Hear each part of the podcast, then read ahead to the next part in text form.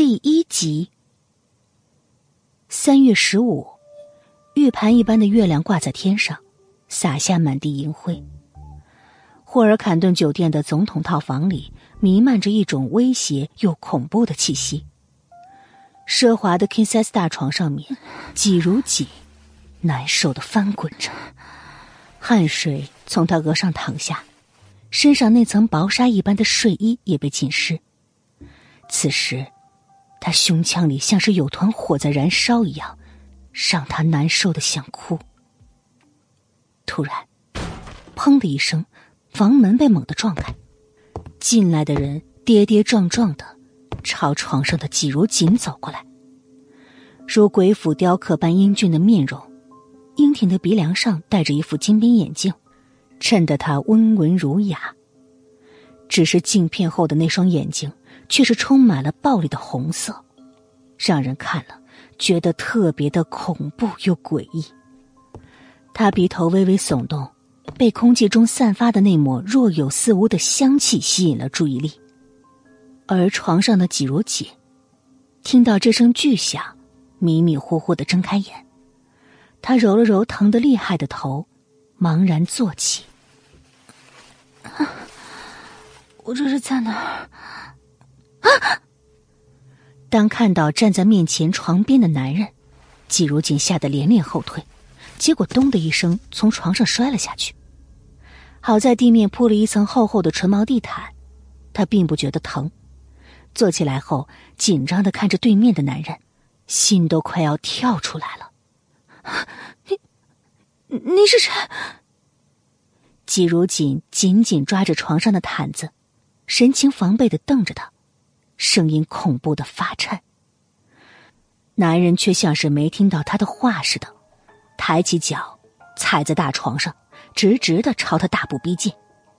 季如锦吓得直哆嗦。觉得这个人就是来要他命的刽子手。他想要站起来逃跑，也不知道为什么，浑身竟然软绵无力，只好咬着牙往门口爬去。可即便他把双手双脚都用上了，也比不过人家一米九的大长腿。还没到门口，脚就被人从后面猛地抓住，然后天旋地转间，就被狠狠的扔回到刚才的那张大床上面。你你别过来！你你放过我！求求你放过我！季如锦不停的挣扎，发出尖叫和祈求声。对方却像是没听到似的，鼻子里发出粗重的“嗯嗯嗯嗯”的声音，神情十分的狂暴凶厉。尤其是那双眼睛，还泛着红光，像是要吃人的怪物一般，极其骇人。他的力气大的可怕，感觉不到疼似的，两三下将他压在身底，任他怎么踢打，眉头都不带皱一下的。呲啦一声响，季如锦薄薄的衣裙被扯开，他甚至来不及遮挡，只觉得肩膀上传来火辣辣的疼痛感。男人并没有侵犯他，而是在咬他，而且还是非常凶狠的啃咬。他疼得倒抽了一口冷气，忍不住叫出声来，眼泪瞬间崩落。他这是招谁惹谁了？为什么他会碰上这样的事？这个人简直就是个变态啊！他今天不会被活活的咬死在这儿吧？这个怪物在不断的咬他，而且好像还在吸他的血。他该不会是吸血鬼吧？季如锦被恐惧、绝望包围着，几次使出全身的力气想要推开压在身上的人，换来的却是更粗暴的压制。突然，指尖触碰到什么东西，他的眼睛陡然一亮，伸直手，猛地紧紧抓住旁边的台灯，朝着男人的头上狠狠的敲了下去。担心不能一下把他敲晕，又多敲了几下，直到肩膀上没有啃咬的感觉。他才哆哆嗦嗦的，一把推开晕死过去的男人，连滚带爬的下了床。他捡起外套穿上，迅速离开了酒店。就在季如锦离开后没过多久，被打昏的男人缓缓转醒了，从床上坐起来，眼底一片清明，神情不再似方才那般狂暴，而是恢复了往日的清冽冷漠。唯独颈后的疼痛令他微微蹙起了眉，唇角溢出一丝苦笑。哼，真狠呐！他走到窗前，拉开窗帘，看着外面亮得有些渗人的圆月，伸出舌尖舔了舔嘴角残余的血迹，眼底闪过一抹惊异之色。这是，这是刚才那个女人的血。他拿出手机。立即拨打了一个电话出去，去查一查，今天这个女人是谁送过来的。一个月后，季如锦陪着教授参加完一个学术讨论会回来，刚把行李放到寝室，米乐乐就冲了进来，他一脸愤怒的抓着他：“阿姐阿姐，你知道宁俊和纪明轩今天订婚的事吗？”乐乐，你开什么玩笑呢？昨天宁俊还跟我发短信来着，他怎怎么可能会跟我姐订婚呢？季如锦嘴角的笑突然间凝住了，神情不敢置信。哎呀，你觉得我会拿这种事情跟你开玩笑吗？订婚典礼就在世纪倾城大酒店二楼举行呢。米乐乐急得都快跳脚了，他和季如锦从高中起就十分要好。所以，当他听到这个消息的时候，只差没有冲到酒店去把那对狗男女给清炖了。Hello，亲爱的朋友们，穆少很霸道，终于跟大家见面了。这本书呢是免费收听的，而且呢是男女双旁白，喜欢的小伙伴们记得订阅哦。第二集，季如锦脸都白了，他当然相信乐乐的话，可就在昨天晚上，还发短信说爱他的男人。怎么今天就要和姐姐订婚了呢？世纪倾城酒店，季如锦刚从车上下来，就看到门口立了一块牌子，上面写着：“参加宁俊先生和纪明轩女士订婚宴的宾客，请上二楼。”而红地毯从路口一直铺到大堂里面，两侧摆满了粉色的心状气球和红玫瑰。他的一颗心彻底凉了下来，双脚像是有千斤般重，寸步难行。宁俊接到学弟赵显的电话，告诉他，季如锦回到寝室没多久，就脸色难看的冲出学校，他就知道，这件事情终于还是瞒不住了。不过，他也没打算继续瞒下去了，因为他很清楚，自己想要的到底是什么。他穿着一身白色的晚礼服，笑得明媚的，在纪明轩耳边轻声说了几句，便走出宴客厅。果然，刚到楼梯口，他就看到纪如锦一步一步踏上台阶。你来这里想要做什么呀？宁俊面色不善的朝季如锦走过来，一把抓住他的胳膊，声音里面充满了浓浓的防备。季如锦知道，他是怕自己坏了今天的订婚宴。但是，他怎么可以这样对他？他愤怒的挣开宁俊的双手，退后两步，瞪着他。为什么？宁俊看了看四周，酒店里面人来人往，季如锦要是真大吵大闹起来，难堪的只会是他，而他不能在这关键时刻功亏一篑。神色缓和一些，说道：“哼。”我们找个地方坐下再说。更衣室里面，宁俊关上门，便将季如锦甩到一边。季如锦的后背撞到了旁边的衣架，疼得皱起眉头。明君，你为什么要骗我？换成任何一个女人都好，为什么偏偏是纪明轩呢？季如锦啊，我骗你？当初你若不到处宣扬你是几家的女儿，你以为我能看上你吗？可没想到你不过是几家的一个养女罢了。我知道，你心里不甘。不过我和纪明轩已经要订婚了，也很快就要结婚，你就是再不甘心也得认命了。别再缠着我，毕竟我和明轩才有未来。听到这番话，季如锦愣在原地，背后的疼痛比不过心间的刺痛。昨晚还在短信里面甜言蜜语的男人，今天居然会对他说出如此绝情的话。更可笑的是，他竟然在来的时候还在为他找借口，也许是他的公司遇到了什么严重问题，不得不和几家联姻，所以才会这么突然又毫无征兆的和纪明轩订婚。所以，你当时追我，是因为我姓纪吗？你和我姐什么时候在一起的？你为什么不早点告诉我？季如锦吸了吸鼻子，努力不让自己眼泪掉下来，因为他觉得为这种人渣流泪不值得。当然不全是因为你姓纪，毕竟你长得还是很漂亮的，但又有什么用呢？还不如一个几家真正千金的身份来的有用呢。宁俊神色轻佻的看了一眼季如锦，这张脸确实够美，令人过目难忘。如果不是因为纪明轩已经警告他必须和季如锦断得干干净净，他还真有点舍不得。哼，至于明轩，我和他三个月之前就在一起了，他也知道我和你的事儿，但他心地善良。怕你承受不了，所以让我先别跟你提出分手。现在你既然已经知道了，也省得我再浪费时间跟你摊牌了。今后我就是你姐夫，希望你能避嫌。今天也不要捣乱，免得搞得大家都不痛快。此时的季如锦真想一巴掌往宁俊那张恶心的脸上招呼过去，他怎会瞎了眼和这种人渣恋爱？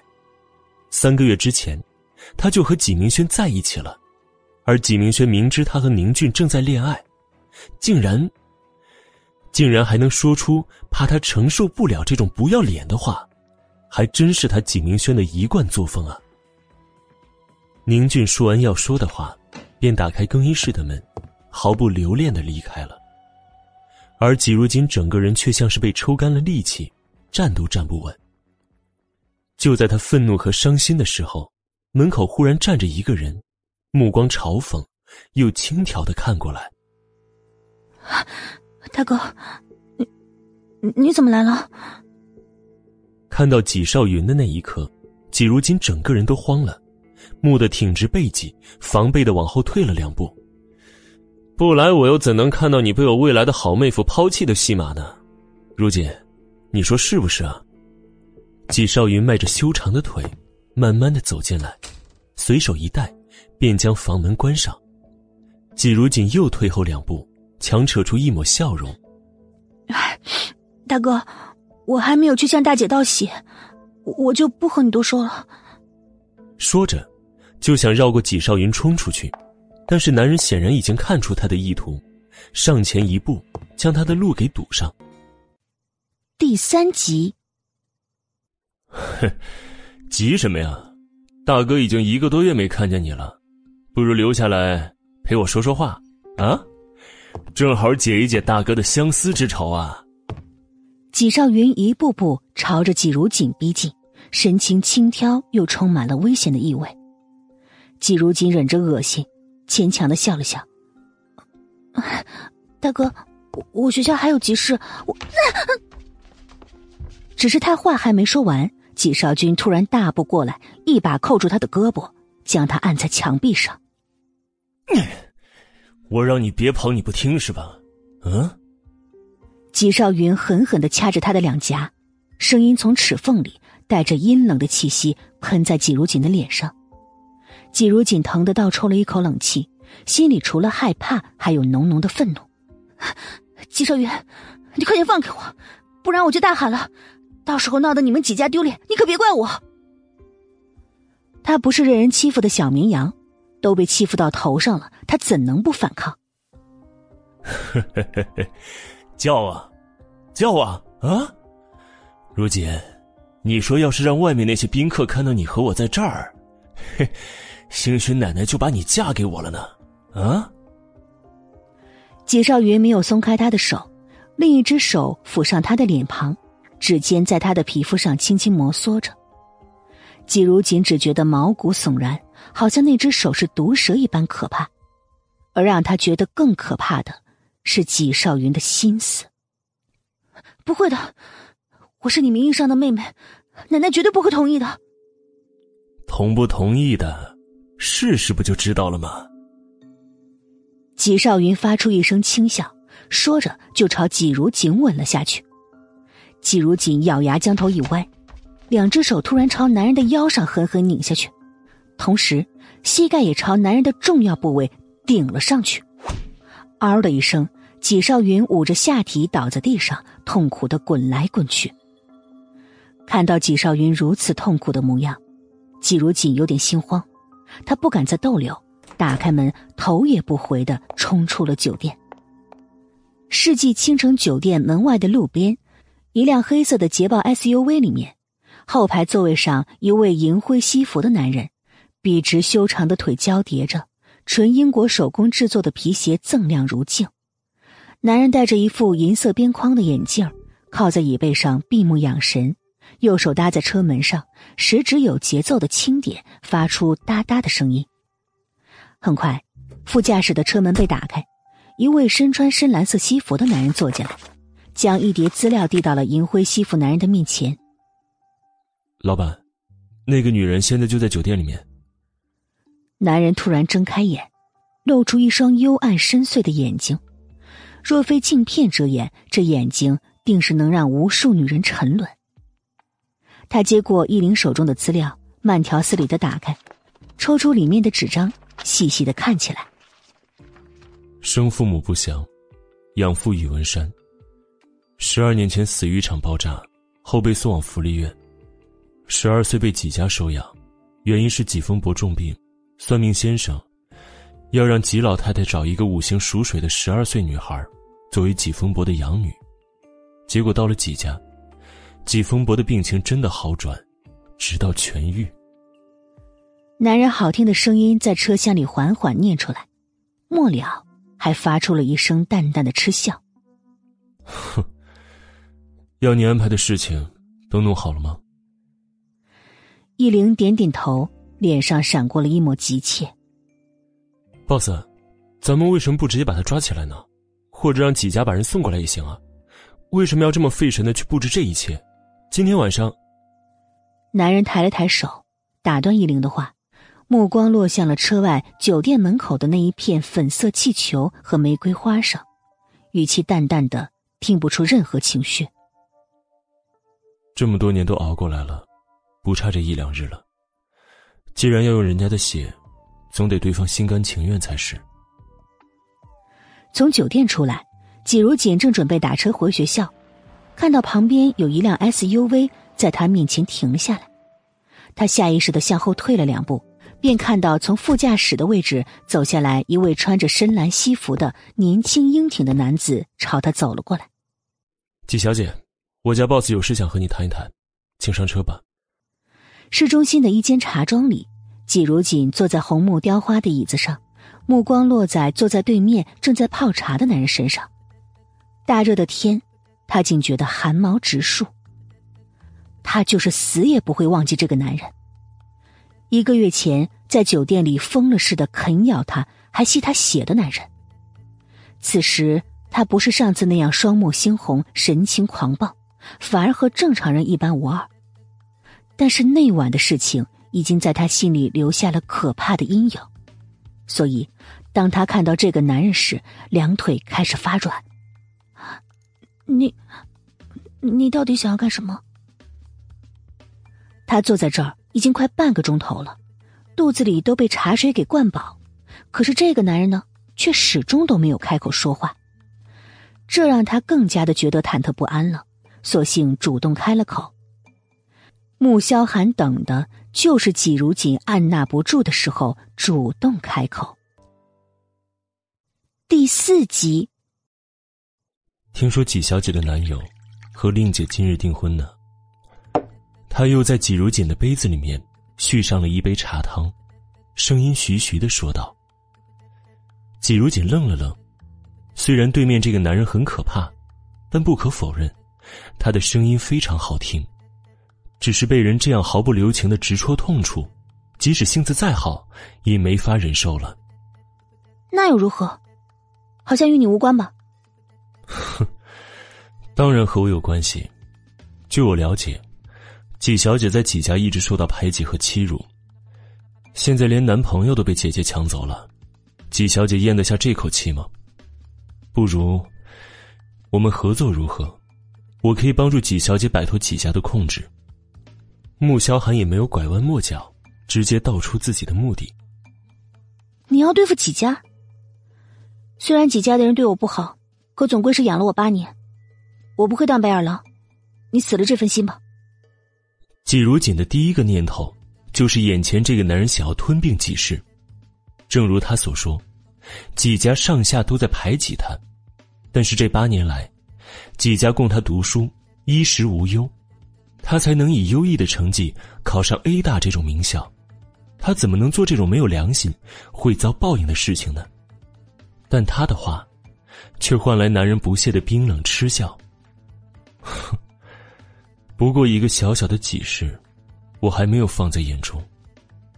季如锦被呛住了，看着眼前这人的来头，似乎不小啊。若不是为了己事，那还能是为了什么呢？穆萧寒懒得和他废话，抬头看了眼易灵，易灵立刻将手中早就准备好的协议书放在了季如锦的面前。季小姐，请看。季如锦疑惑的打开文件。没多久，便震惊的瞪大了双眼。你想都别想，我是不会同意的。季如锦是活腻了才会签同意什么三年婚姻契约的协议，只要想到那晚的事情，他就害怕的浑身打颤。若以后真和这男人结婚，那不是时刻得提心吊胆？要是哪天他突然发疯，把他咬死怎么办呢？他还没有找到自己亲生父母。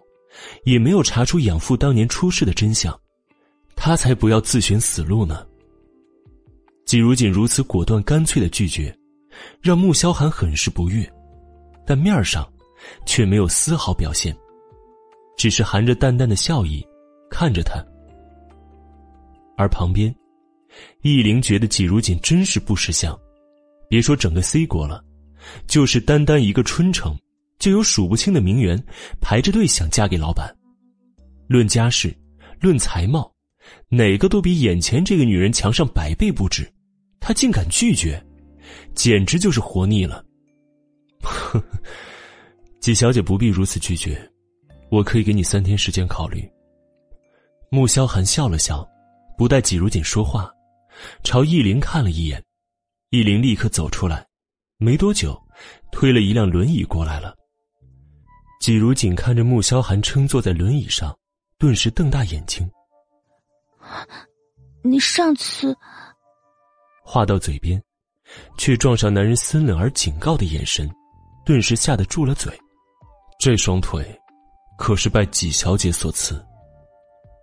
穆萧寒的眼底忽然闪过一抹诡异、晦暗之色，朝季如锦冷冷的扔下一句话，便任由易灵推着出了包厢。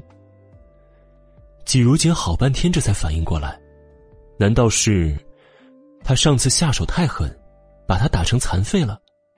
但不对啊，就算是脊椎受伤，那也是全身瘫痪。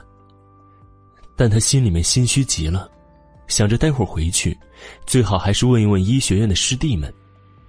回到学校，季如锦因为心情低落，并没有注意到同学们异样又嘲弄的目光。进了寝室。米乐乐立刻关上门，关心的问道：“哎，怎么样了？你有没有去狠狠扇那对狗男女的耳光啊？再当着所有人的面拆穿他们不要脸的行径？”季如锦倒在床上，目光呆滞的摇摇头。这一天之内发生的事情，让他整个人都觉得像是做了一场恐怖的噩梦。宁俊说的那些话，季少云的骚扰，还有茶馆的那个男人。每一件事情，都让他感到愤怒，又害怕。你摇头什么意思啊，阿锦？你不会是跑过去什么都没做吧？米乐乐急得都快跳起来了，一把将他从床上拉起来，着急的追问着。季如锦看向他，露出一丝苦笑：“乐乐，你觉得我要是当着所有宾客的面扇他们耳光，拆穿他们，会有用吗？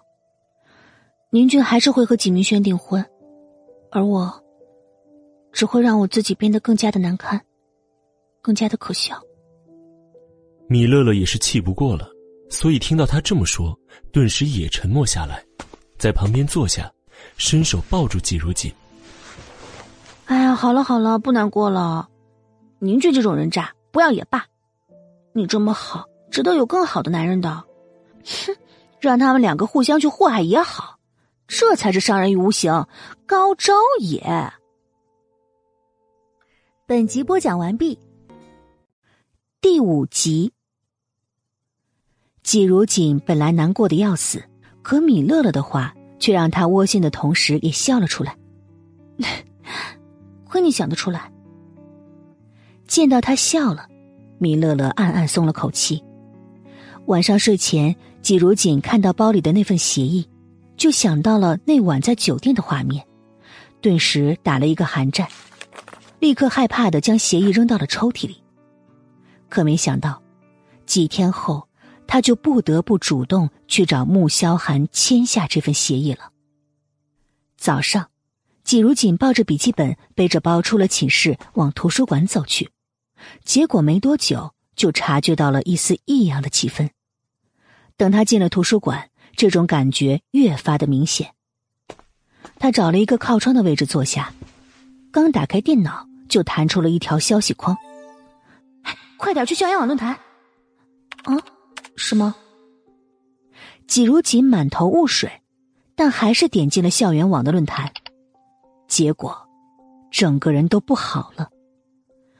校花被甩，才子脚踏两只船，姐妹争夫，校花不敌富家千金，身世大曝光。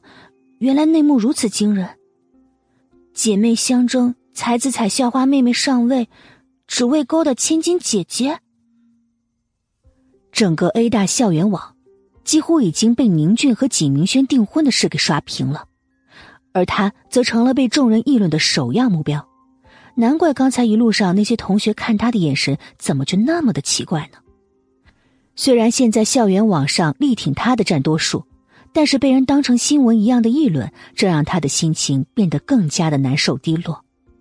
毕竟被甩也不是什么值得光荣的事情，而且这些帖子要是让纪明轩看到了，指不定会怎么个闹腾呢？到时候倒霉的。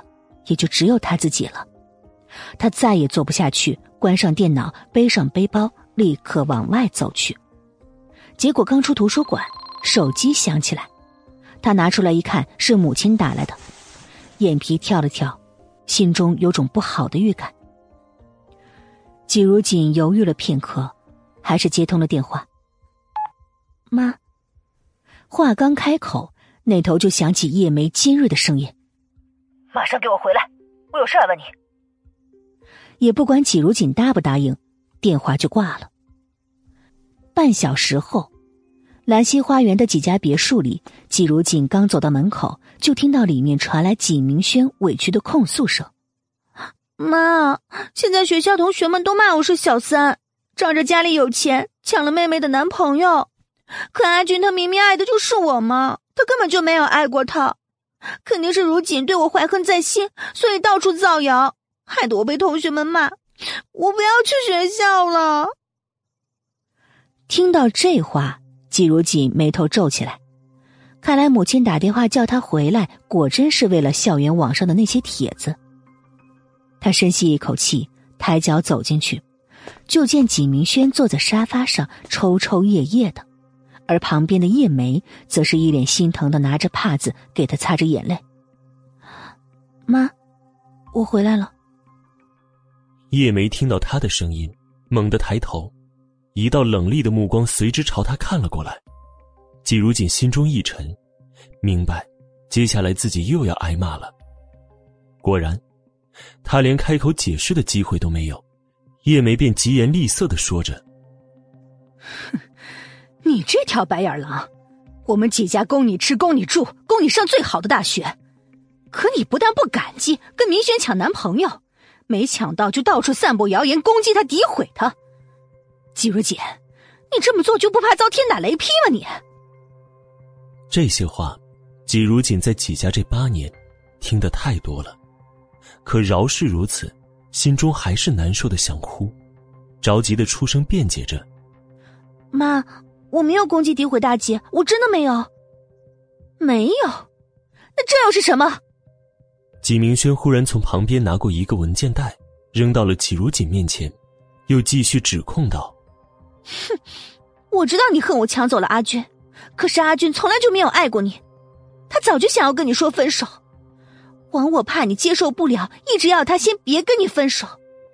可我没想到你竟然这么恶毒。”季如锦拿起文件袋一看，脸色顿时变得难看起来。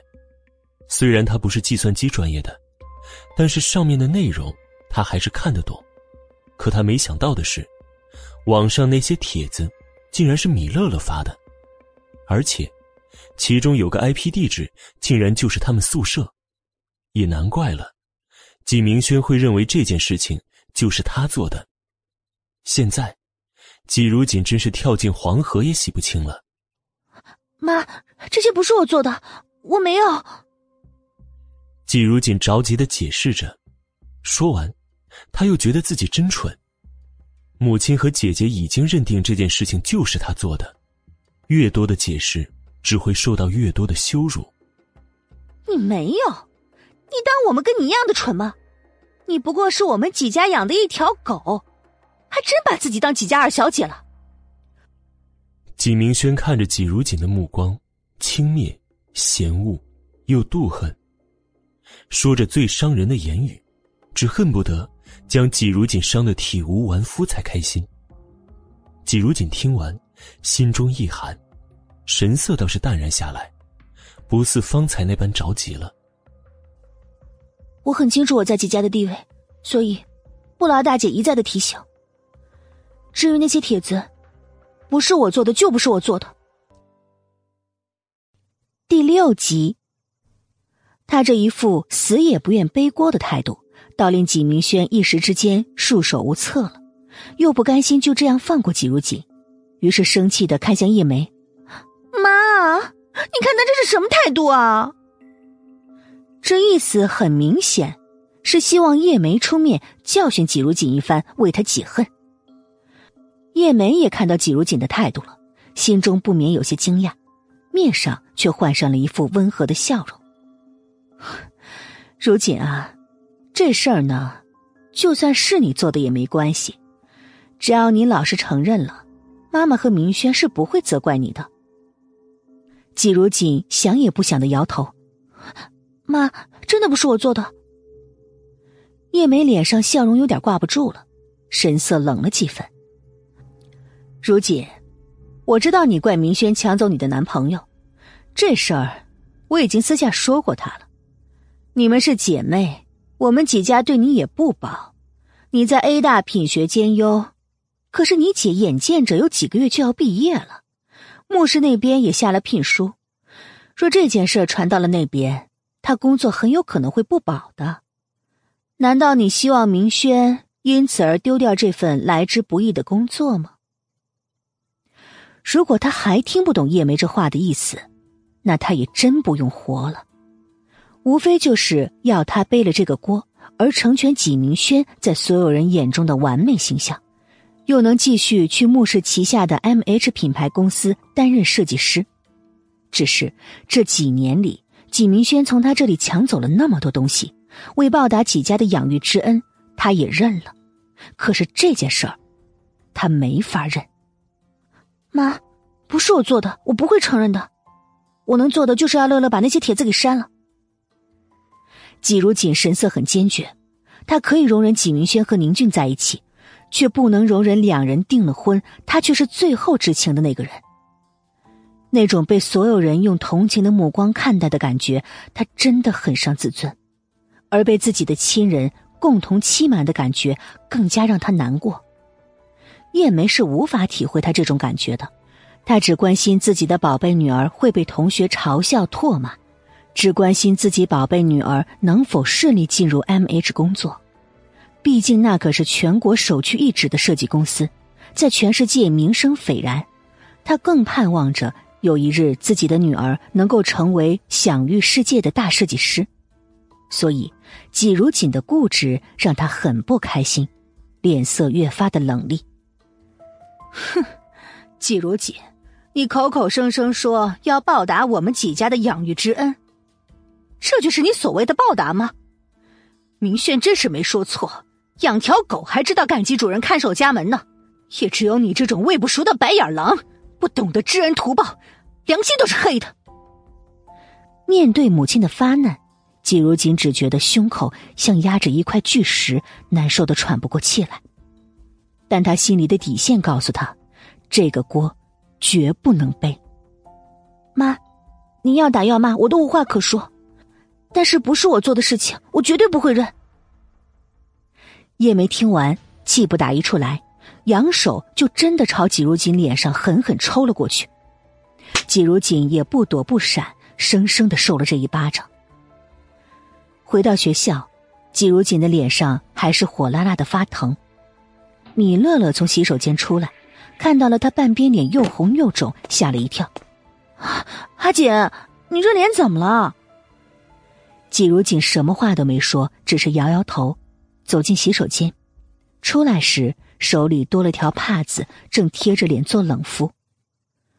乐乐，那些帖子是你发的吗？米乐乐毫不犹豫的点点头，嗯，对啊，怎么样，我够朋友吧？我想纪明轩看到一定会气到吐血。哼！季如锦叹了口气，冲他翻了个白眼，可不气得吐血吗？不过，他吐血了，我也没好到哪儿去。米乐乐立刻跳起来，跑到他面前，一把拉开他的手和毛巾，这，这是他打的。这个贱人，我行了，赶紧把那些帖子删了吧，我可不想再被叫回去挨打挨骂。米乐乐顿时蔫了，歉疚的看着他：“阿锦，对不起嘛，是我太冲动了，我早就该想到，以几家那些人的德行，最后受罪的也只会是你。没事了，你把帖子删了，这事也就过去了。”而此时，纪家别墅里，纪明轩则是气得想要杀人了。他没想到纪如锦这次会那么嘴硬。妈，我现在该怎么办吗？脸都要丢尽了，我不活了！纪明轩没处撒气，只好冲着叶梅嚷嚷。叶梅也很气，不由得瞪了纪明轩一眼：“你冲我发火有什么用啊？”当初让你早点让阿俊和他摊牌，你偏说什么看不惯他平日里做作的样非得让他出丑你才甘心。哼，现下好了吧？把这火烧到你自己身上了。纪明轩被噎得一句话都说不出来，咬着牙狠狠的拽着手里的抱枕。叶梅到底还是心疼女儿的，见不得她受一点的委屈。行了，你也别光只知道生气。既然他会去发什么帖子，你就不会找些人也去发帖子吗？纪明轩眼睛一亮：“妈，你的意思是？”本第七集，他既然打着咱们几家的名号在学校里招摇，那就要看他受不受得起了。哼，这年头不是有什么水军的吗？白的都能说成黑的，不过是花点钱而已。叶梅的话已经说到这种份上了，纪明轩怎么可能还听不懂？什么也没说，立刻拿着手机走了出去。纪明轩挂掉电话，又想到季如锦和宁俊的事情，脸上的笑意就冷了下来。妈，你上次不是说爸想拿到地铁五号线的工程吗？现在事情进展的顺利吗？叶梅一听，随即笑了起来。哟，咱们家不问世事的小公主，竟然也开始关心公司的事儿了。纪明轩却没有心思开玩笑，着急的追问着：“妈，你快点说呀！”叶梅敛了笑，叹道：“唉，要是顺利啊，你爸早就说了。那个工程已经落到穆氏手上了。穆氏在春城，就像是皇帝老儿一般的存在，谁敢和穆氏抢呢？纪明轩的眼珠子转了转，凑到叶梅耳边悄声说着：“米乐乐因为自己擅自做主而给纪如锦惹了麻烦，心有愧意，于是提出请纪如锦吃饭。纪如锦也不想去食堂那种地方承受他人异样的目光，爽快的点了点头，心里盘算着哪天再请回来就是了。刚出校门口。”一辆黑色捷豹停在两人面前，米乐乐不明所以，但是季如锦却一眼认出这辆车，不禁打了个寒颤。果然，车门打开，就见易灵打开车门走了下来，看到季如锦，礼貌又疏离的笑着：“哼，季小姐还没有吃饭吧？”季如锦拉着米乐乐后退两步，一脸警惕的看着易灵说道：“有事吗，先生？”想请季小姐吃饭。易灵做了一个请的姿势，季如锦想拒绝，但是看着易灵那副你要敢拒绝，后果会十分严重的神情，顿时就怂了。而旁边，米乐乐则是一脸懵逼状，直到季如锦坐上车，易灵那皮笑肉不笑的脸在他面前放大，这才回过神来。我也要去。一边说着。一边打开车门就跳进车里，易灵愣住了，她还是头一次看到脸皮如此厚的女人。凤凰山在春城，也算是地标性的景点了，山体绵延数公里，主峰被开发成了旅游景点，而侧峰，则被一些地产公司或者有钱人买下来，建半山别墅、娱乐会所，或是餐厅之类的。季如锦和米乐乐。则被易灵带到了山顶的一间名为“御景龙湾”的会所。下了车，米乐乐就发出了一声惊叹：“阿锦，御景龙湾哎，这位请你吃饭的可真是装的一手好波呀！”嗯。正好下车的易灵听到这句话，一个趔趄，差点摔倒。季如锦倒是习以为常了，并深以为然的点了点头：“嗯。”估计是各中高手吧。会所三楼是一间装修奢豪的餐厅，而今天，整间餐厅只有一个人用餐。季如锦的心里面十分忐忑，便没有留意会所的装修有如何豪华。而米乐乐虽是第一次来这种高级会所，但他好歹也是米家千金，总不能被人看了笑话。于是。强压着心底的波涛汹涌，面上一派淡定，跟着进了餐厅。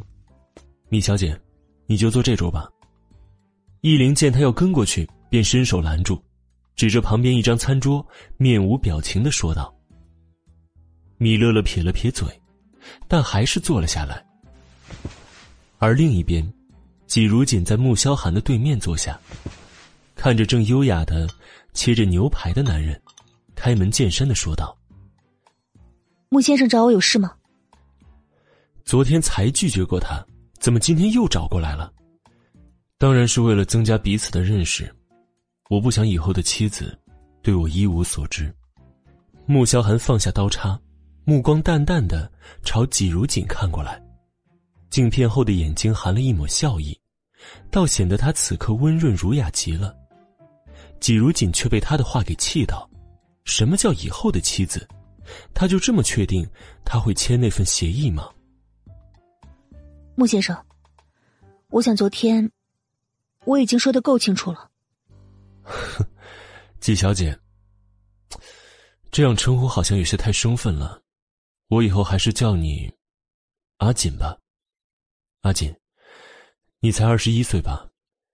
穆萧寒丝毫不受影响。抛出一个令季如锦莫名其妙的问题，季如锦点了点头。我今年二十八岁，家中排行老大，下面还有一个弟弟和妹妹。接下来，季如锦整个午餐过程，都是听着穆萧寒在做自我介绍，并间隔的问他一些不痛不痒的小问题，直到他和米乐乐被易灵带回 A 大，整个人还处在不可思议的震惊状。他今天怎么就莫名其妙的被带进去了？本集播讲完毕，更多精彩内容，喜第八集。憋了两个多小时的米乐乐已经是抓心挠肺的，想要问他到底是怎么回事可是米乐乐还没有将心底的疑惑问出来，就被接下来的事情给气得差点暴跳起来。两个人从车上下来，一灵便开着车疾驰而去。旁边进出的学生看到季如锦时，立刻骚动起来：“哎，你们看啊，这不就是那个校花吗？看来那个帖子啊，真的没说错，就是想要靠脸蛋上位。”你看到刚才那辆车了吗？好几百万呢，说不准啊，刚才就是出去卖呢。哎呀，这纪明轩啊，真是悲剧，碰上个这么个妹妹，连男朋友都要抢。好在宁学长看清了他的真面目呢。同学乙在旁边附和道：“季如锦脸色瞬间惨白一片，这是怎么回事啊？哼，哎，你们是不是疯了？”明明是纪明轩当小三抢了阿锦的男朋友，怎么到你们嘴里面就变了呢？你们是不是收了纪明轩的钱故意造谣呢？米乐乐听不下去了，冲过去冲着几个同学吼了起来：“你才疯了呢！我们也没有收他的钱故意造谣，我们只是看不惯纪如锦嘛。别以为我们不知道，你呀就是那个故意在论坛上发帖子黑明轩学姐和宁学长的黑子。”虽然你和季如锦是闺蜜，可是你也不能不分是非、助纣为虐吧？同学甲理直气壮的梗着脖子和米乐乐叫板，米乐乐真是要疯了，气血上涌，只差没跳起来揍人了。乐乐，算了吧，我们回去吧。学校门口进进出出的同学太多了，没一会儿就围了十几个人。虽然一个个声音很小，但指指点点的令季如锦难堪至极。他看着那些同学的眼神充满了嘲讽、鄙视，还有嫌恶。米乐乐还想争辩，但看到季如锦神色难看，咬了咬牙，冲着刚才的同学甲乙挥了挥拳头：“哼，你们再胡说八道，我就要你们好看！”回到寝室，季如锦立刻打开电脑，点击校园网。就看到论坛上一个加粗加红的标题，赫然写着“校花忘恩负义，开八旗上位时，真相原来是这样。”他打开标题进去，看完里面的内容，顿时气得浑身发抖。米乐乐也凑过来，没多久便砰的一声，一拳头砸向桌面。这个启明轩，太恶毒了吧！竟然这么造谣诬陷你！季如锦坐在椅子上。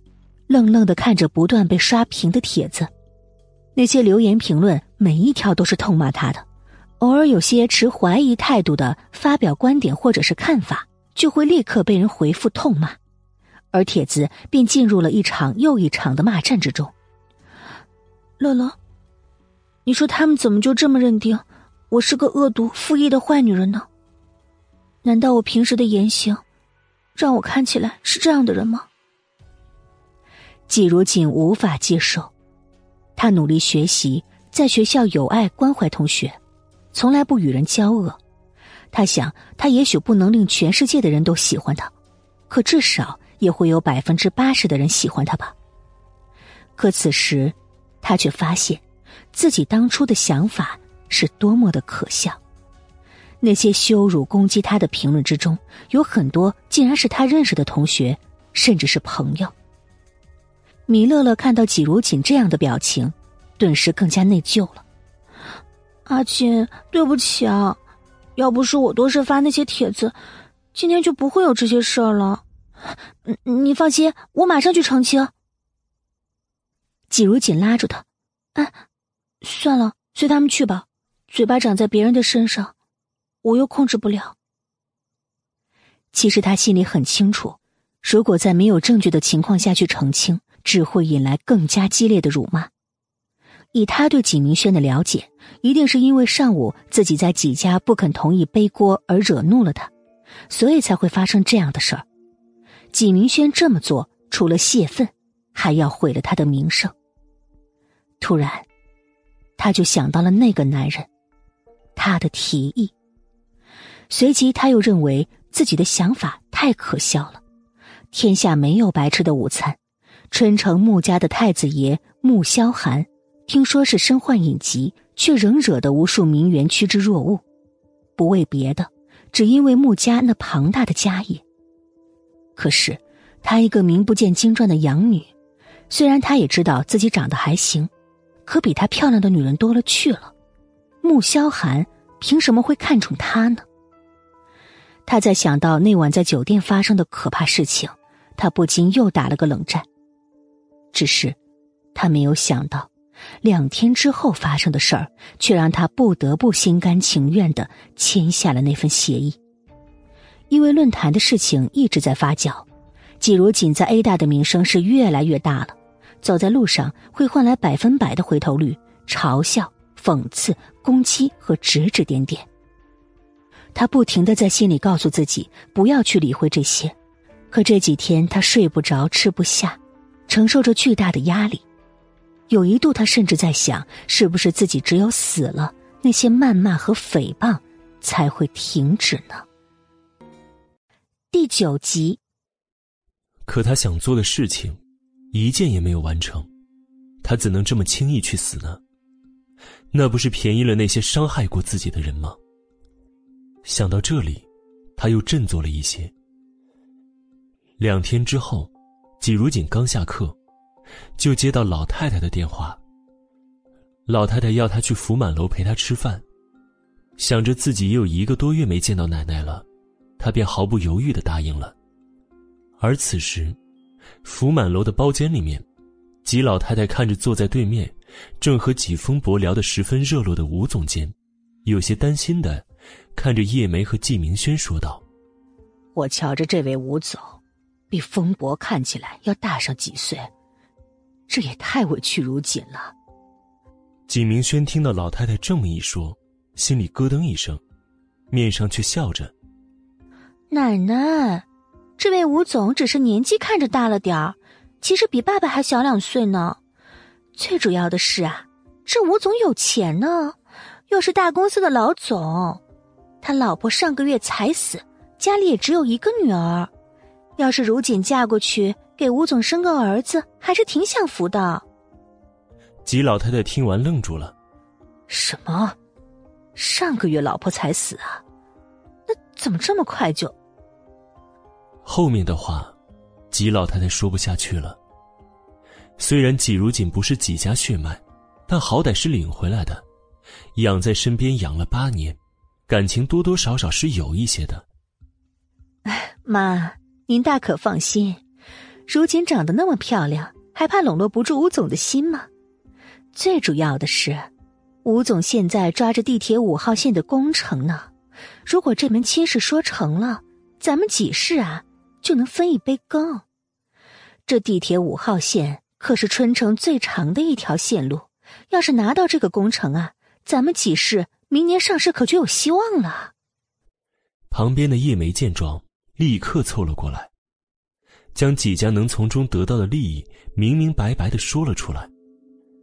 以他对这位婆婆的了解，只要是对几家和他那宝贝儿子有利的事情，老太太可是毫不含糊。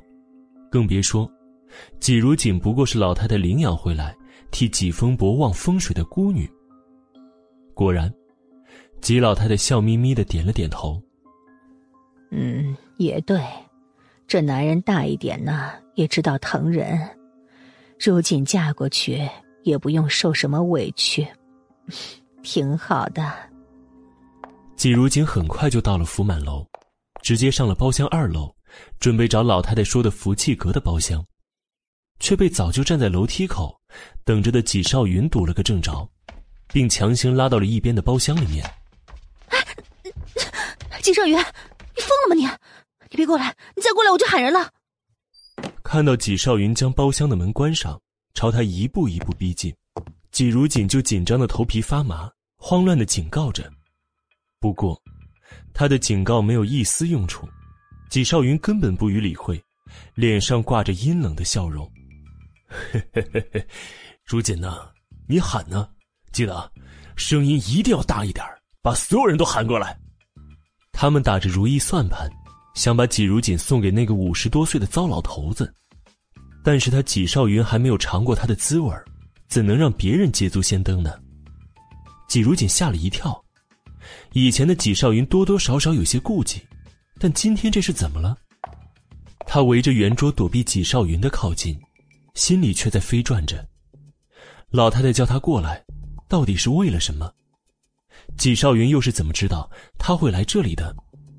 难道是老太太真的被纪少云说服了，要将他和纪少云凑成一对儿，所以他才会这样肆无忌惮吗？哎，你你别过来，纪少云，我从来就没有喜欢过你，我求求你，求求你放过我吧。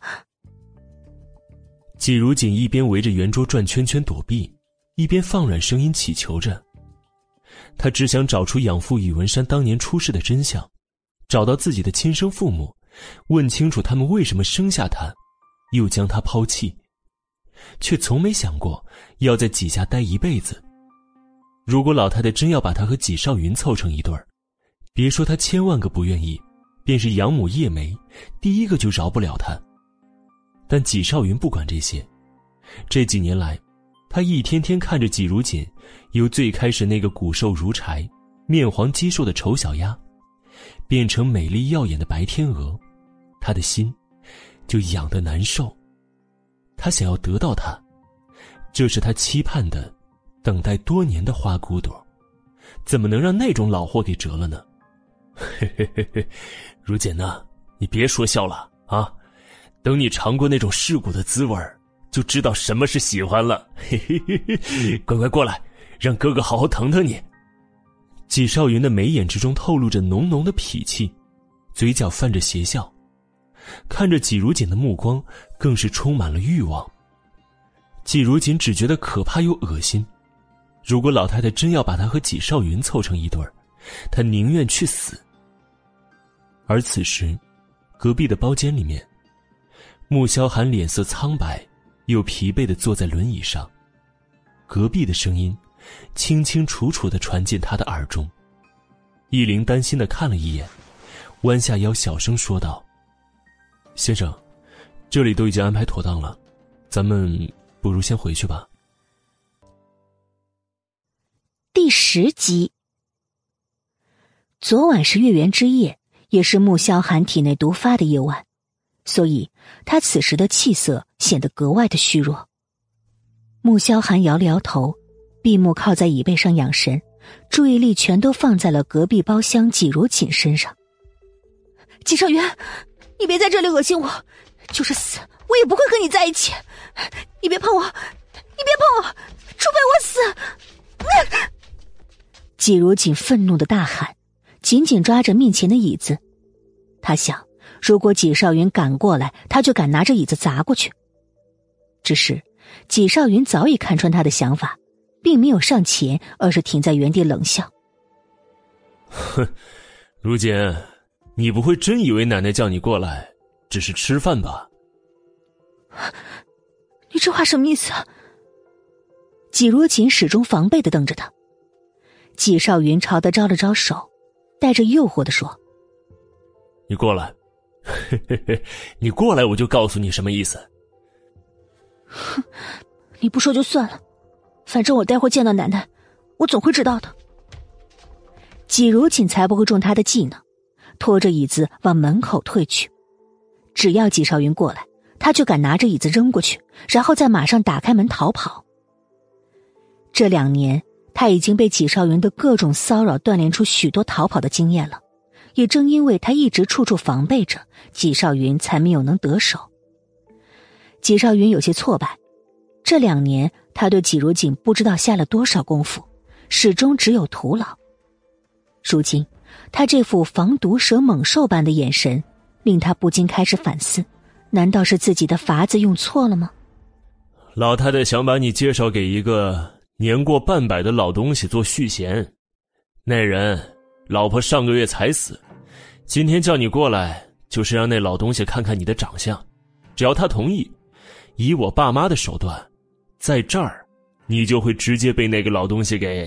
嘿嘿嘿，所以你好好想想，是把你自己给我呢，还是情愿去做那个老东西的续弦呢？纪少云一副我也是好心的神情，声音倒是比平时多了两分正经和认真。季如锦不敢置信的瞪大眼睛：“你胡说，奶奶她不会这么做的，你别想骗我，我不会上你的当。”可他的心里却隐隐有些不好的预感。我骗你？哼，你这个女人可真是不知好歹啊！一个月之前你被送到霍尔坎顿酒店的事情，不就是我爸做的吗？当时也是经过老太太同意的，只是你还算聪明，知道把人打晕了，趁机逃跑。季少云很生气，他这么真心诚意，这个女人竟然不领情。你骗我，你一定是骗我的。他一直觉得那晚的事情有些蹊跷，可是现在纪少云说是老太太和养父做的，他嘴里说着不信，心中却早已有了答案。那天他正被老太太叫回去，之后喝了一杯茶便没有了知觉，等他醒来的时候，人却是在酒店里的。你就别自欺欺人了。老太太把你领回来是为了我爸的病，不是真把你当亲孙女儿。你还是早点认清事实，整个纪家也就只有我真的疼你呀。看到季如锦失神的站在那儿，纪少云不动声色的朝他走过去，声音也是很温柔，唯独眼底那抹占有欲充满了危险。就在他马上要碰到季如锦的时候，突然响起了敲门声。请问季小姐在里面吗？季如锦猛地回过神来，看到季少云站在自己的面前，他吓了一跳，猛地抬脚踹了一下前面的椅子，另一只手迅速的打开包厢的门，就冲了出去。纪少云被椅子撞到了膝盖，疼得冷汗都冒了起来。想到刚才坏了他好事的那个声音，不由得捂着膝盖朝着门口瞪去，却哪还有什么人呢？福气阁里，季如锦站在门口，深吸一口气。刚从纪少云的魔掌中逃出来，他的脑子还是乱乱的。等他把气喘匀了，这才走了进去。奶奶，如锦来了。纪明轩热情的走过来，挽着他的手走到餐桌旁。纪如锦忍着想要抽回手的冲动，硬着头皮站到老太太面前。奶奶，对不起，刚才路上有点堵。他不敢说自己在外面碰到了纪少云，否则不知养母叶梅会做出什么激动的举动。啊，没事没事，反正离吃饭还早着呢。轩轩啊，你带如锦去你爸爸那边坐坐。老太太摆了摆手，笑得和蔼可亲。福气阁是两个包厢连在一起的，中间隔着一道推拉门，这边摆的是餐桌。那边则是休息、喝茶、谈事儿的地方。纪明轩得了老太太的首肯，就知道这件事成了。想到季如锦即将被送到一个比他爸爸还要大的老头子床上，心中就高兴不已。看着季如锦的笑容，第十一集。当推拉门打开的那一瞬间，季如锦只觉得自己全身的血液都凝固了。季少云说的都是真的。如锦，还愣着干什么呀？这位是吴总，爸爸的朋友，你快叫人啊！旁边，纪明轩的声音响起，唤回了他的神智。啊，吴总，你好。吴益达是看了几家送来的照片才决定过来的，而此刻，当他亲眼看到纪如锦的时候，就更加满意了。再看她的身材。比起他平时去夜店睡的那些女人，也是丝毫不差。季如锦并不知道，吴益达在心里把他和夜店的那些公关们做了比较。但看他那放肆又赤裸裸的目光，就觉得浑身不对劲。刚才好不容易压下去的恶心感，又再次涌上来。季风伯对于季如锦这个养女，并没有什么感情，当初也是为了救命。才同意母亲试一试算命先生的那个法子，而他的八字确实忘了几家。这几年来，几家过得越来越好。如果再可以拿到地铁五号线的工程，那几家在春城也算是迈出了一大步。上市也指日可待了。想到这儿，他不由赞赏的看了一眼自己的女儿纪明轩，还是自己亲生的贴心呢。想到这么一个好法子，他又欣慰的看了一眼纪如锦，养了他这么多年，总算是有点用处了。纪如锦被这眼神看得心中一紧。嗯，爸，我先去陪奶奶说会儿话。他转身就想离开，可纪明轩却一把拉住他。如锦，你就坐在这儿，陪吴总聊聊吧。说完，不管纪如锦愿不愿意，强硬的将他按在吴益达身边的位置坐下，一只手马上就伸了过来。季如锦差点跳起来，将手缩了起来。吴益达见状，不高兴了，却没表现出来。想着纪如锦还是大学生，多少还是要矜持一下，于是笑着按了一下旁边的铃声。没一会儿，服务员进来了，吴一达给纪如锦点了一杯果汁。纪凤博和纪明轩互相看了一眼，忽然站起来：“吴老弟啊，呃，如锦就交给你了，我公司还有一些事情要处理，我就先走了啊。”说完，也不管纪如锦求救的目光，转身就走。纪明轩则露出了得意的冷笑，看了一眼纪如锦那如死灰一般的脸，差点没笑出声来。痛快，真是痛快！季如锦，你不过是我季家养的一条狗，也敢跟我争，真是自不量力！季如锦着急的站起来，要去追季风伯，却被吴益达一把拽住，只能眼睁睁的看着推拉门被季明轩无情的关上。他想，他这一辈子也不会忘记季明轩将门关上时那轻蔑的神情。吴吴总，我我还要去上课，就先走了。季小姐可想过走出这道门的后果呀？吴益达不慌不忙的坐下，毕竟活了五十多岁了，又是穆氏旗下路桥公司项目总监，什么风浪没见过？要对付一个还没出校门的学生，实在是太容易了。果然。季如锦听完这句话，脸色煞白，再也不敢走出一步。季家的每一个人，都令他感到害怕。季小姐还是坐下吧，我又不会吃人，干嘛害怕成这样呢？吴益达指了指身边的位置，笑了起来。季如锦咬了咬牙，走过去坐下。季小姐喝果汁吧，咱们好好说会儿话，什么也不做如何呀？吴一达打算以退为进，将服务员送来的果汁推到了季如锦的面前。季如锦没多想，端起果汁喝了一口，又放下，这才鼓起勇气说道：“吴总，我不会同意的。”吴一达笑了起来，布满皱纹的眼睛眯成一条线，他好像听到了什么笑话似的，越笑越大声，脸上的横肉也跟着抖起来。季如锦不知道他有什么好笑的，却又不敢惹恼对方，只好呆呆的坐在那儿，直到吴益达的笑声停止。季小姐啊，你知道今天把你叫过来，这几家可没打算经过你的同意啊。我说白了吧，虽然几家把你送给我了，那也得看我乐不乐意。要是你惹恼了我，让我不开心了。我直接拒绝和几家的合作，你觉得几家会饶过你吗？吴益达虽然没有调查过几家，但能够这么绝情的将养女给推出来，可见几家的人心有多狠。季如锦心中猛地一颤，脸色又白又难看，因为他知道吴益达说的一点也不错，纪家一定不会放过他，可他再也不想被几家摆布了。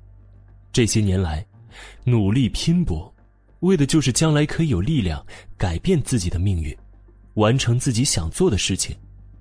可如果今天他屈从了，那以前的一切努力，不都白费了吗？第十二集，就算是这样，我也不会同意的。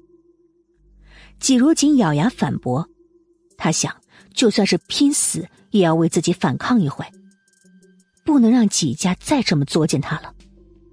哼，那可由不得你啊！吴益达看着他，笑得不怀好意，一只手朝他伸了过来。季如锦气急，想也不想，抬手拍开他伸过来的手，可很快他就发现不对劲儿了，怎么使不上劲儿了呢？你，你想要？这种感觉他很熟悉，那天在酒店就是这样，他一点力气都没有。你错了，这药不是我下的，而是你的养父让人下的。只是为了方便成全我罢了。吴益达很满意纪风伯的敞亮，笑得猥琐，朝纪如锦压下来。什么叫绝望？纪如锦此刻终于体会到了，被亲人无情的抛弃、利用。哦，他忘了，纪家的人一直把他当成一条狗，也只有他才视这些人为亲人。吴益达见他无力的半靠在沙发上。缓缓起身，将身上的外套解开，紧接着是皮带。季如锦眼睛发红：“你别过来！你滚开！你别过来！”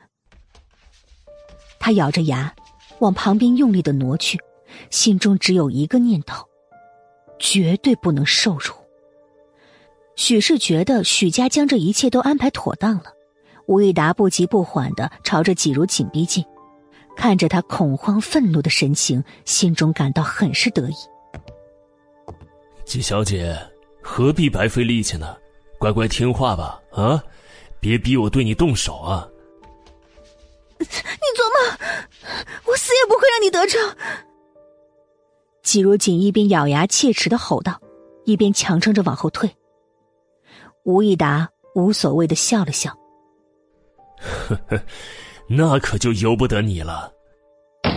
只是话音刚落下，包厢的门突然被人从外面打开了。吴益达脸上的笑容凝住了，瞬间变得怒不可遏。是谁在这种时候坏他的好事儿呢？穆萧寒被易灵推着进了包厢，目光淡淡的落在沙发上面色潮红、气喘吁吁的季如锦身上，而季如锦听到开门声时，还以为是季家的人来救他了。结果看到穆萧寒的那一刻，他不由得惨笑。穆先生，那天的话还作数吗？酒店里，季如锦躺在床上，半个小时前医生给他打了针，身上那种不适感终于消退了。他动了动手脚，感觉好了很多，于是撑着坐起来。客厅的落地窗前，萧慕寒半躺在躺椅上。腿上盖了条毛毯，手中正翻着一份文件。听到身后的脚步声，他停了下来，将文件放到旁边的圆桌上。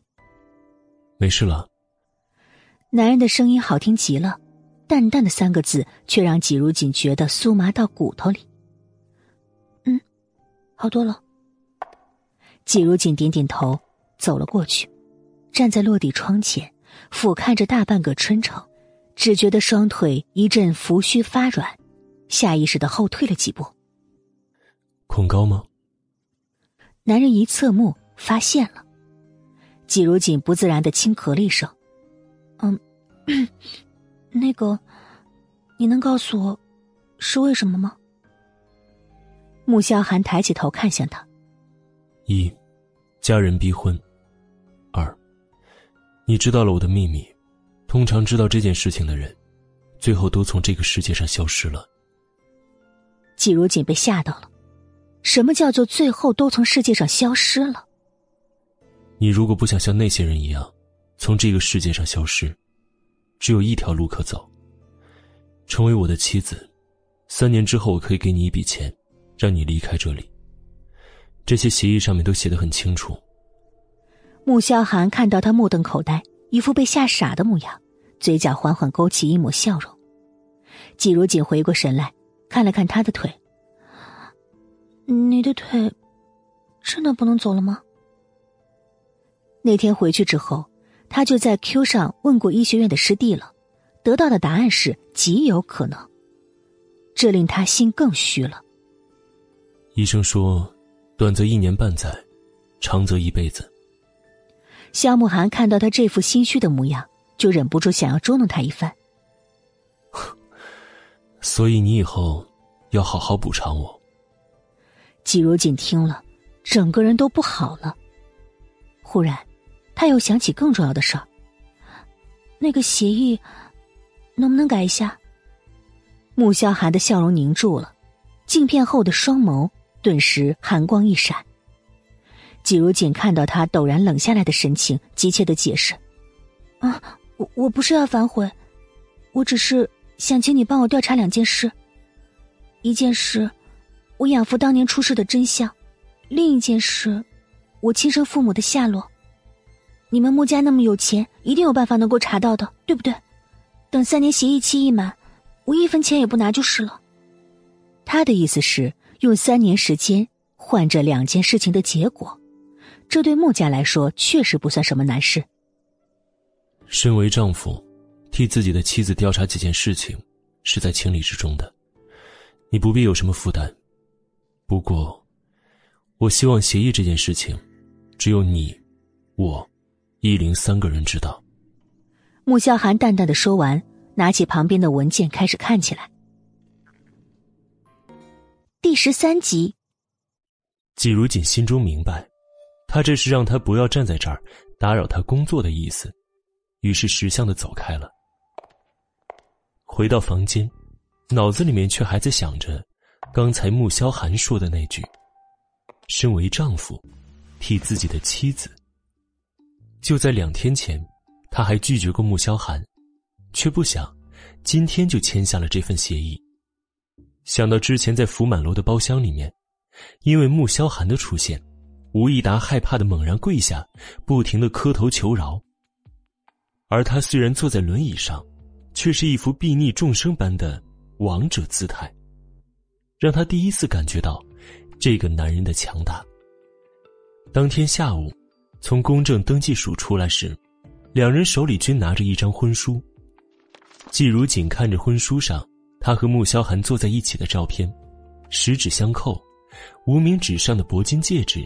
十分醒目。刚才就在来公证登记署的时候，才想起登记结婚要戴戒指，否则无效。于是，便在路边的一家珠宝店停下来。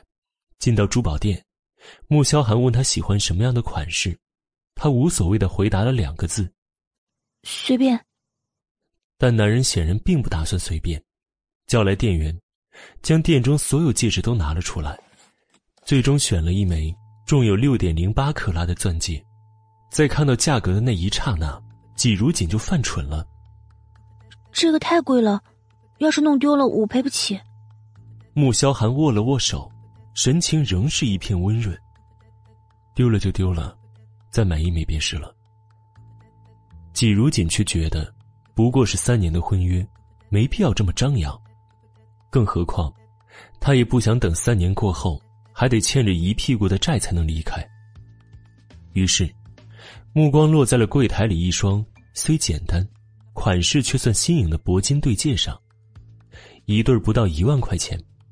再看女款的那枚，比男款的要小了一半，想来也就三千块钱左右。即便日后真的弄丢了，他也能赔起。就这对吧？我喜欢这个。他的手指向了那对戒指。穆萧寒顺着他的手指望去，素来淡定的神情有了一丝皲裂。推着轮椅的易灵也是一脸看奇葩的表情。至于店员，那就更不用说了，脸上简直就写了“日了狗”几个大字。方才还喜滋滋的想着上百万的钻戒卖出去，这一单就可以提成两万多块钱。可哪儿想，转眼之间，两万多块钱的钞票就从眼前消失了。你。确定。穆萧寒决定再给他一次机会，季如锦确定的不能再确定了，生怕穆萧寒会改变主意似的，点头点的跟个小鸡啄米一般。上了车，他将婚书放进包里面，又将戒指取下来收好，却被穆萧寒叫住了：“你这是做什么？难道和我结婚很委屈吗？没有，我就是怕弄丢了。后面的话，他没好意思说。要是弄丢了，他不是还得赔吗？带上，别让我再说第二次。穆萧寒推了推鼻梁上的眼镜，淡淡的扔下一句话，神情仍是温润娟逸，却充满威严，让人不敢抗拒。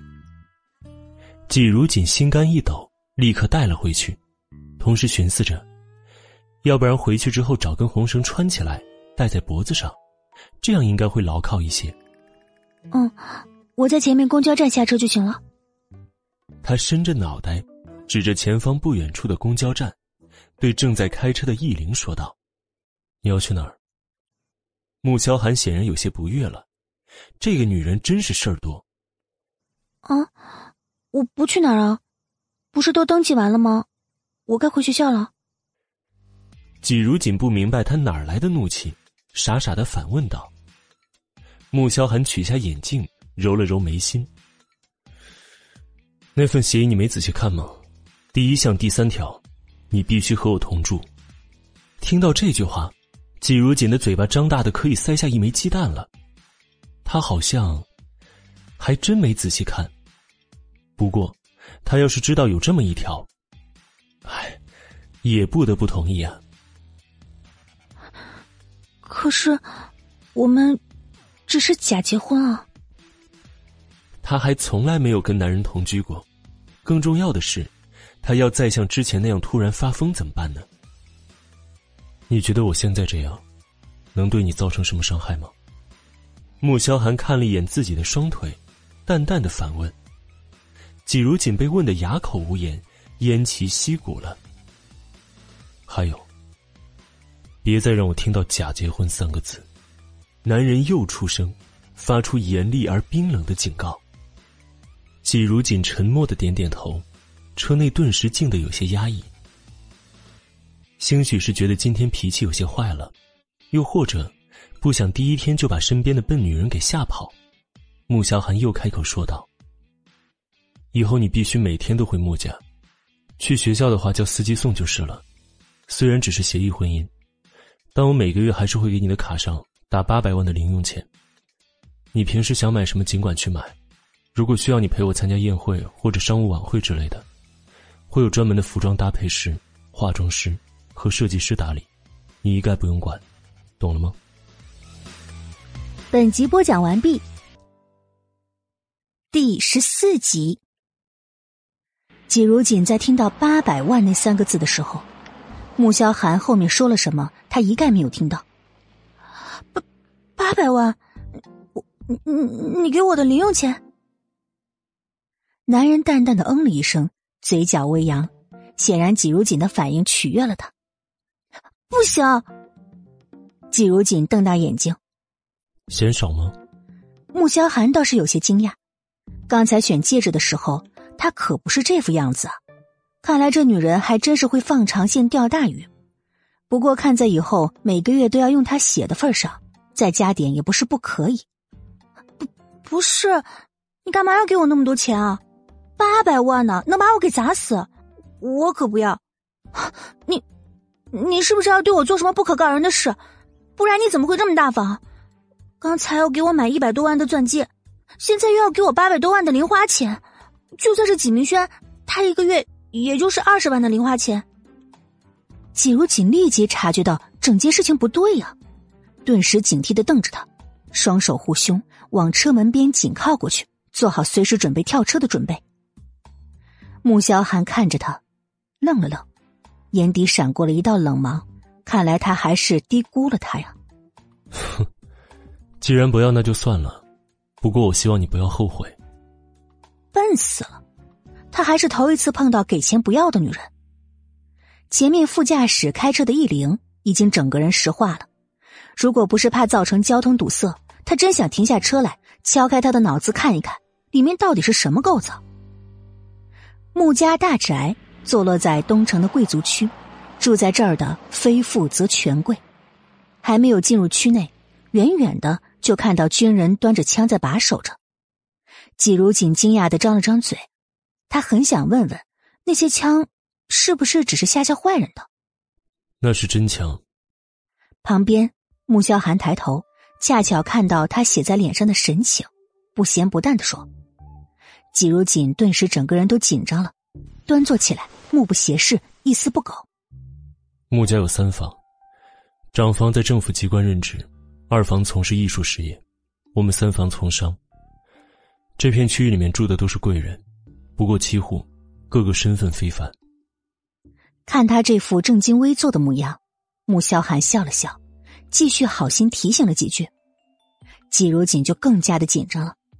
以前他觉得能住在兰溪花园别墅里面的都是贵人，可今天才发现，比起这儿，兰溪花园顿时矮了不知道多少截呢。市长家也住这儿吗？季如锦想着，真城最大的官也就是市长了吧？江家。哼，不住这里。穆萧寒这下笑出了声，季如锦满头雾水，连市长都不能住的地方，那得多贵气啊！他还想着再问，又怕穆萧寒嫌他多事儿，只好闭紧嘴巴，心想以后总会知道这里都住了些什么人的。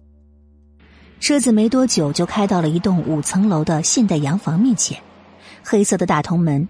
门上的摄像头灯闪了一下，大门缓缓拉开，车子开了进去，最后在车库前停下来。下了车，季如锦才发现，这栋洋房后面还有一栋同样高的洋房，这难道也是穆家的？但想到穆家三房都住在这儿，也确实需要这么大的房子。从大门进去右转的那两栋是二房，再往前走是长房。有时间我再带你过去拜访。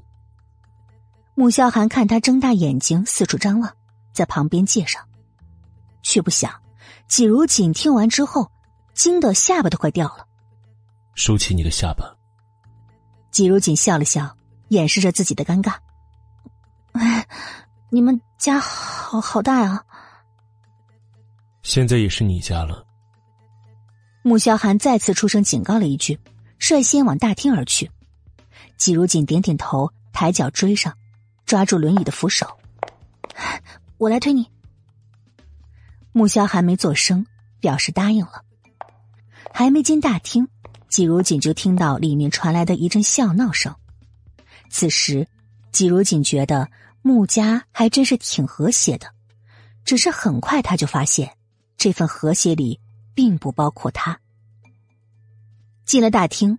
穆萧寒的出现便立刻引起了客厅里几个人的注意。哥，韩哥哥，萧寒呐！穆恩恩拽着江圆圆快步走了过来，笑的那叫一个暧昧又开心。江圆圆读懂了穆恩恩眼中的意思，害羞的低下头：“哥，你今天怎么这么早就回来了？圆圆刚才还说好久没见到你，挺想见你呢，没想到刚说完你就出现了。”这话已经直白的，连季如锦这个旁观者都听不下去了。穆萧寒只是点点头，看了一眼季如锦，示意往沙发上的两位长辈那边去。本集播讲完毕，更多精彩内容，喜马拉第十五集。季如锦推着车子就要过去，结果却被江媛媛一把推开。我来吧，你可以走了。季如锦愣住了。在想自己到底是走还是留，而眼前这位美女不认识也就罢了，偏偏她还认识。江市长的宝贝千金，这可是一个比纪明轩还惹不起的人物，他也是不敢得罪的。虽然季如锦身上穿的不怎么样，但容貌却是让人没有办法忽视的。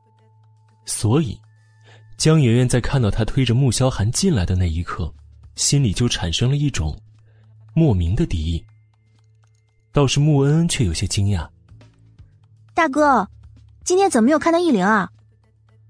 穆萧寒看向愣在一边、一脸为难的季如锦，淡淡的说了一句：“过来，见见奶奶。”季如锦只好硬着头皮，顶着江圆圆那尖锐的目光走了过来。穆萧寒抬手就握住她的手，而另一只手操纵着轮椅走到沙发面前。奶奶。她是季如锦，我的妻子。这句话就像一颗炸弹落下似的，令大厅里面除了季如锦之外的人全都震惊的睁大了眼睛。而最先回过神的，还是穆老太太，声音很是严肃的说道：“萧寒，这玩笑可开不得。你不能因为家里逼你尽快结婚，你就随意在街上找个女人冒充是你的妻子吧？”穆萧寒没有解释，而是从西服的口袋里面拿出婚书，又看了一眼季如锦。季如锦觉得自己还是挺有眼力劲儿的，也立马从包中拿出婚书，放到穆老太太面前。而此时，旁边忽然飞闪过来一个人，季如锦甚至没有看清这人是怎么冲过来的，只觉得自己的肩膀被狠狠的撞了一下，疼得倒吸了一口凉气。就见放在穆老太太面前的婚书被飞冲过来的人一把夺走，当场撕成两半。季如锦目瞪口呆的看着这一气呵成的动作，愣了半晌，指着穆恩恩手上那张撕坏的婚书说道：“我们这算离婚了？”穆萧寒像是看白痴一样的目光，先是看了一眼季如锦，又看向穆恩恩。哼，这么喜欢撕，明天我让登记处送十万份过来，让你撕个够。没撕完，今年别指望有零花钱。这下换穆恩恩目瞪口呆了，很快，他就愤怒的指着季如锦的鼻子说道：“大哥，你怎么能给我找这样的女人当大嫂呢？我不要啊！我只要圆圆当我嫂子。”那神情要多嫌弃有多嫌弃，季如锦觉得自己很是无辜，因为，他也不喜欢当这位穆三小姐的嫂子呀。我是给自己找老婆，你也不是只有我这一个哥哥。穆萧寒淡淡的说了一句，这意思真是再直白明了不过了。穆恩恩被怼得差点吐血，而江媛媛则是又羞又恨，再看向季如锦的目光，像是随时要扑过来活吞了他一般。季如锦对于江媛媛苦苦追求穆氏太子爷的八卦，知道那不是一天两天了。以前他总想着，身为一个女人，还是高官的千金。这样做，委实有些掉份儿了，却又想着，这些人都是和自己八竿子打不着的人，听听就好了。可哪儿想，今天自己就被扯了进来，着实有些无妄之灾的感觉。但协议已签，人还是要讲诚信的，于是低下头，一副装聋作哑的模样。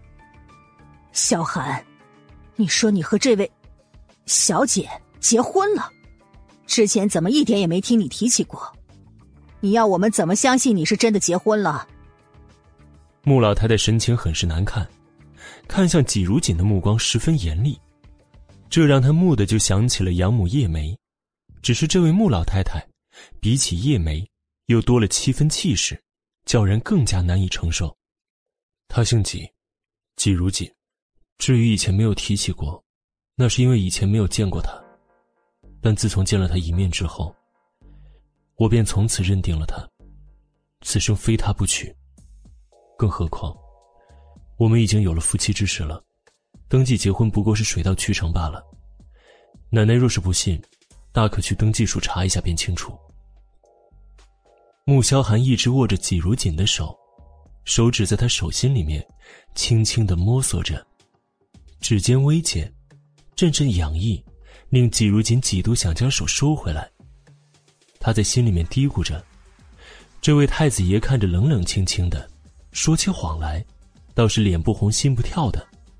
好在这不过是一纸婚约，三年之后便各奔东西，再无交集。否则，说不定就会被这一腔情话引得芳心沦陷。”第十六集。穆老太太哑口无言，脸色也更加不好看了。倒是旁边一直没有吭过声的穆蒹葭，却是冷笑着开口：“哼，萧寒呐，不是姑姑说你啊，婚姻大事，媒妁之约，这无媒苟合之事，若是传出去了，坏的可是咱们穆家的名声，更别说圆圆对你一片痴心。就算是你为了当穆氏的掌权人而娶妻，也该娶圆圆才是啊！怎么就随便在外面逮着一只猫猫狗狗，就说是咱们穆家未来的女主人呢？你这也太草率了吧！这话可真是尖酸又刻薄，字里字外都充满了讽刺。就连季如锦这么温和的性子也忍不住了，张嘴就要反驳。只不过话还没出口，便听到穆萧寒一声轻轻的低笑，在这凝重的大厅里，这抹笑声显得格外的突兀，却又该死的好听。小姑这是说自己吗？不过小姑父若是听到了，怕是要伤心了。这话一出，穆蒹家脸上的冷意瞬间变成了怒意翻涌。穆萧寒，你还有没有长幼尊卑了？我是你姑姑。你竟然为了这么一个女人，敢这样子跟我说话？季如锦猛地看向了穆萧寒，神色复杂莫名。他竟然为了他和家人起了争执。小姑，难道我说错什么了吗？咱们家可没有只许州官放火，不许百姓点灯的规矩吧？再说了，现在都什么时代了，有的女人可以和四五个男人苟合，我和阿锦只是情到浓处，情不自禁罢了。怎就变成了无美苟合？更何况，阿锦是人，是我心爱的女人，不是什么猫猫狗狗。穆萧寒并不将穆坚家的怒意放在眼中，声音不徐不急，情话酥骨，威胁也是不动声色。穆坚家脸色立时变得难看至极，看向穆萧寒的眼神顿时充满了敌意和怒火，却又不能发作。季如锦却是想死的心都有了。什么叫做情到浓时难自禁？他还没这么豪放的好吗？可是韩哥哥，你你不是说你不能不能那个的吗？你和他又怎么可能能行夫妻之事呢？旁边江圆圆已经快要哭出来了，咬着唇，一副楚楚可怜，像是被人始乱终弃般的委屈。季如锦也愣住了，是啊，他不是脚不方便吗？还能做那个？哼，这谎言要被拆穿了吧？看他接下来要怎么圆。嗯，嗯，有些姿势不一定非得我在上面。阿锦他很是体贴我。季如锦的脸轰的一下就烧起来了，尤其是所有人看向他的目光，那个意味深长。他真想刨个地洞钻进去，心里更是恨得牙根直痒。穆萧寒，这绝对是秋后算账呢，报复他当初的拒绝。一定是的，这个心眼比针尖还小的男人。穆恩恩虽然才十八岁，可也偷偷看过成人科教片的，但他毕竟没有实战过，所以听到这么赤果直白的内容，顿时脸色也跟着红起来。江圆圆就不同了，狠狠跺了两脚。朝季如锦吐了口口水，又咬牙切齿的骂他：“哼，不要脸的下贱货！”转身就跑了出去。季如锦傻眼了，觉得羞辱万分，同时又恶心的犯呕。这真是那个在电视机面前优雅娴静的市长千金吗？几年前市长选举的时候，这位江小姐可是站在电视台和记者面前替自己的父亲拉过选票的。当初因为她貌美如花，言行举止优雅得体，深得人心，以至于原本落下许多的江昭，竟意外的获得了市长之位。可现在这副模样，也太粗俗了些吧？房里，季如锦闷闷不乐的坐在座椅上，穆萧寒递了块湿毛巾过来，受不了了。季如锦接过毛巾，生气的将脸扭到一边。在几家过了八年逆来顺受的日子，今天这样的场面对他来说并没有多可怕，但是他生气的是穆萧寒这样坏他的名节，还有江媛媛这个情敌，真是莫名其妙啊！若他真的对穆萧寒有想法，倒也认了，可他这也是被逼迫的吗？这江媛媛也是一个吃软怕硬的，不敢对穆萧寒怎么样，就来怼他，这是瞧着他好欺负吗？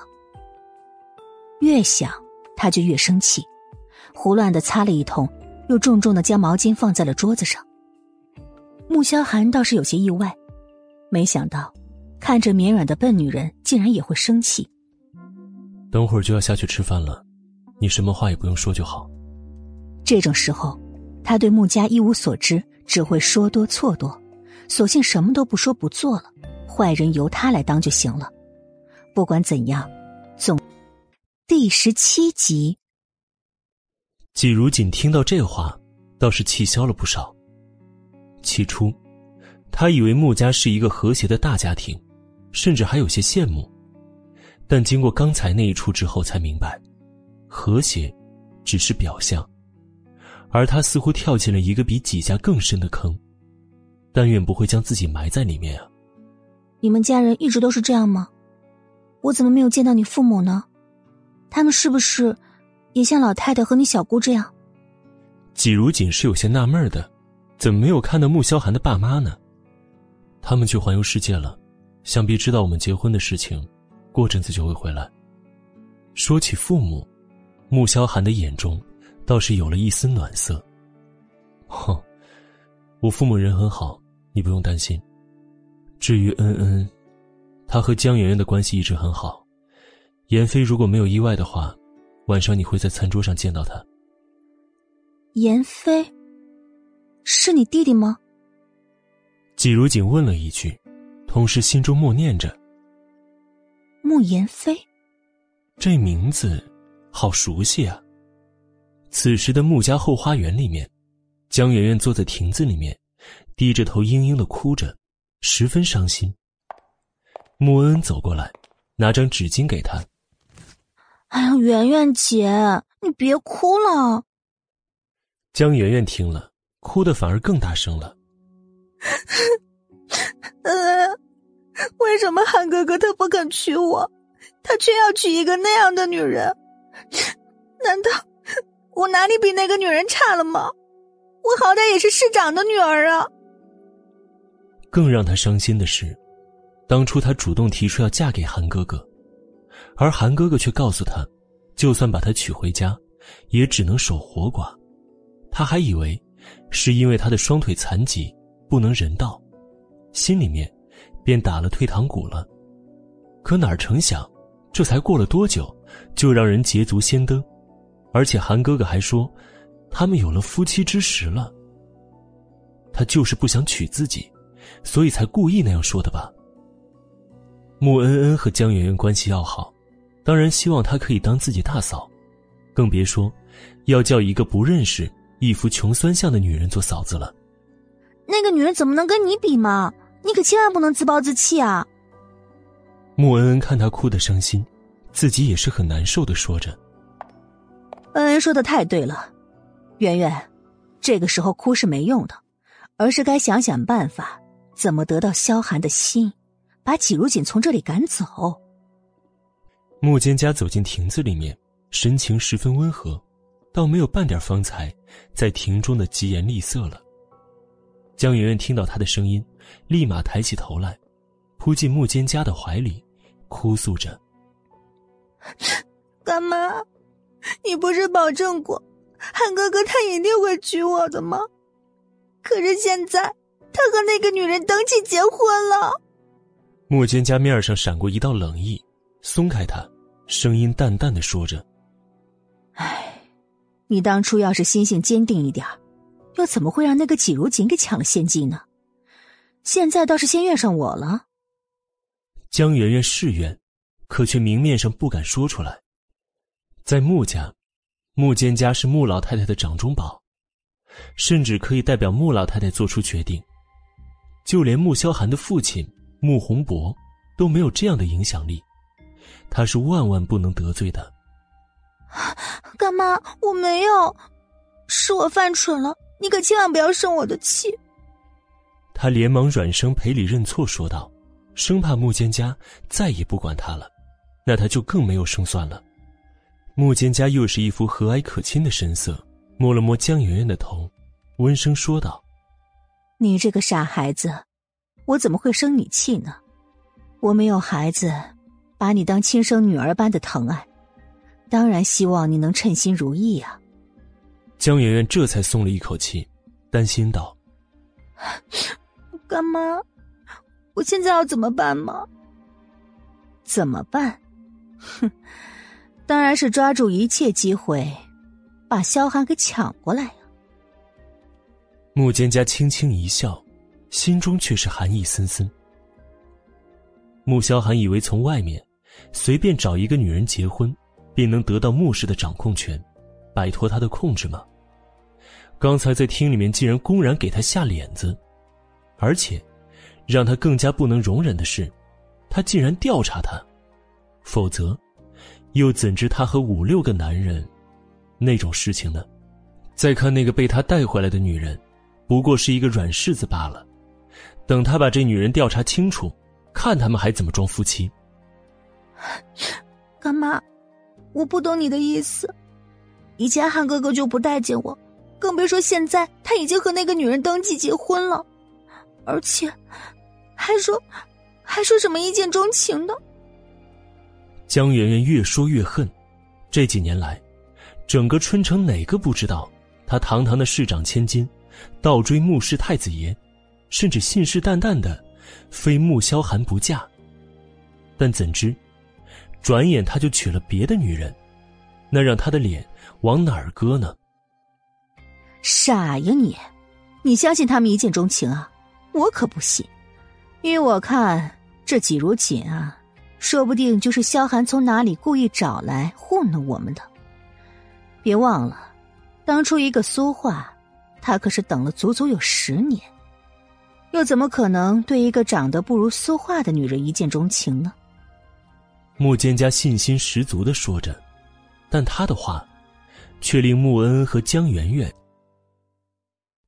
第十八集，这话不但没有令江媛媛产生半分欢喜的情绪，心里堵得更加难受了。哎呀，你就别介意这个了，苏画都走了十年了，成不了你的威胁。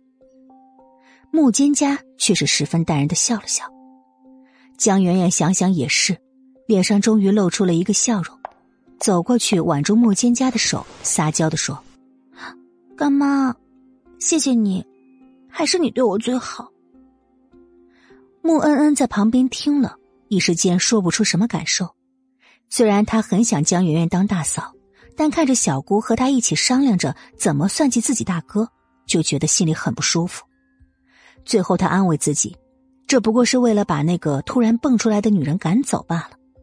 于是也笑嘻嘻的凑过去：“圆圆姐，你这话可是要伤我的心了。难道我对你不够好吗？”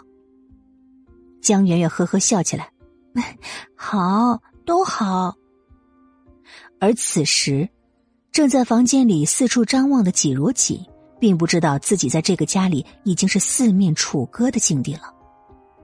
吃饭的时候，季如锦并没有看到穆言飞，却发生了一件让他很尴尬的事情。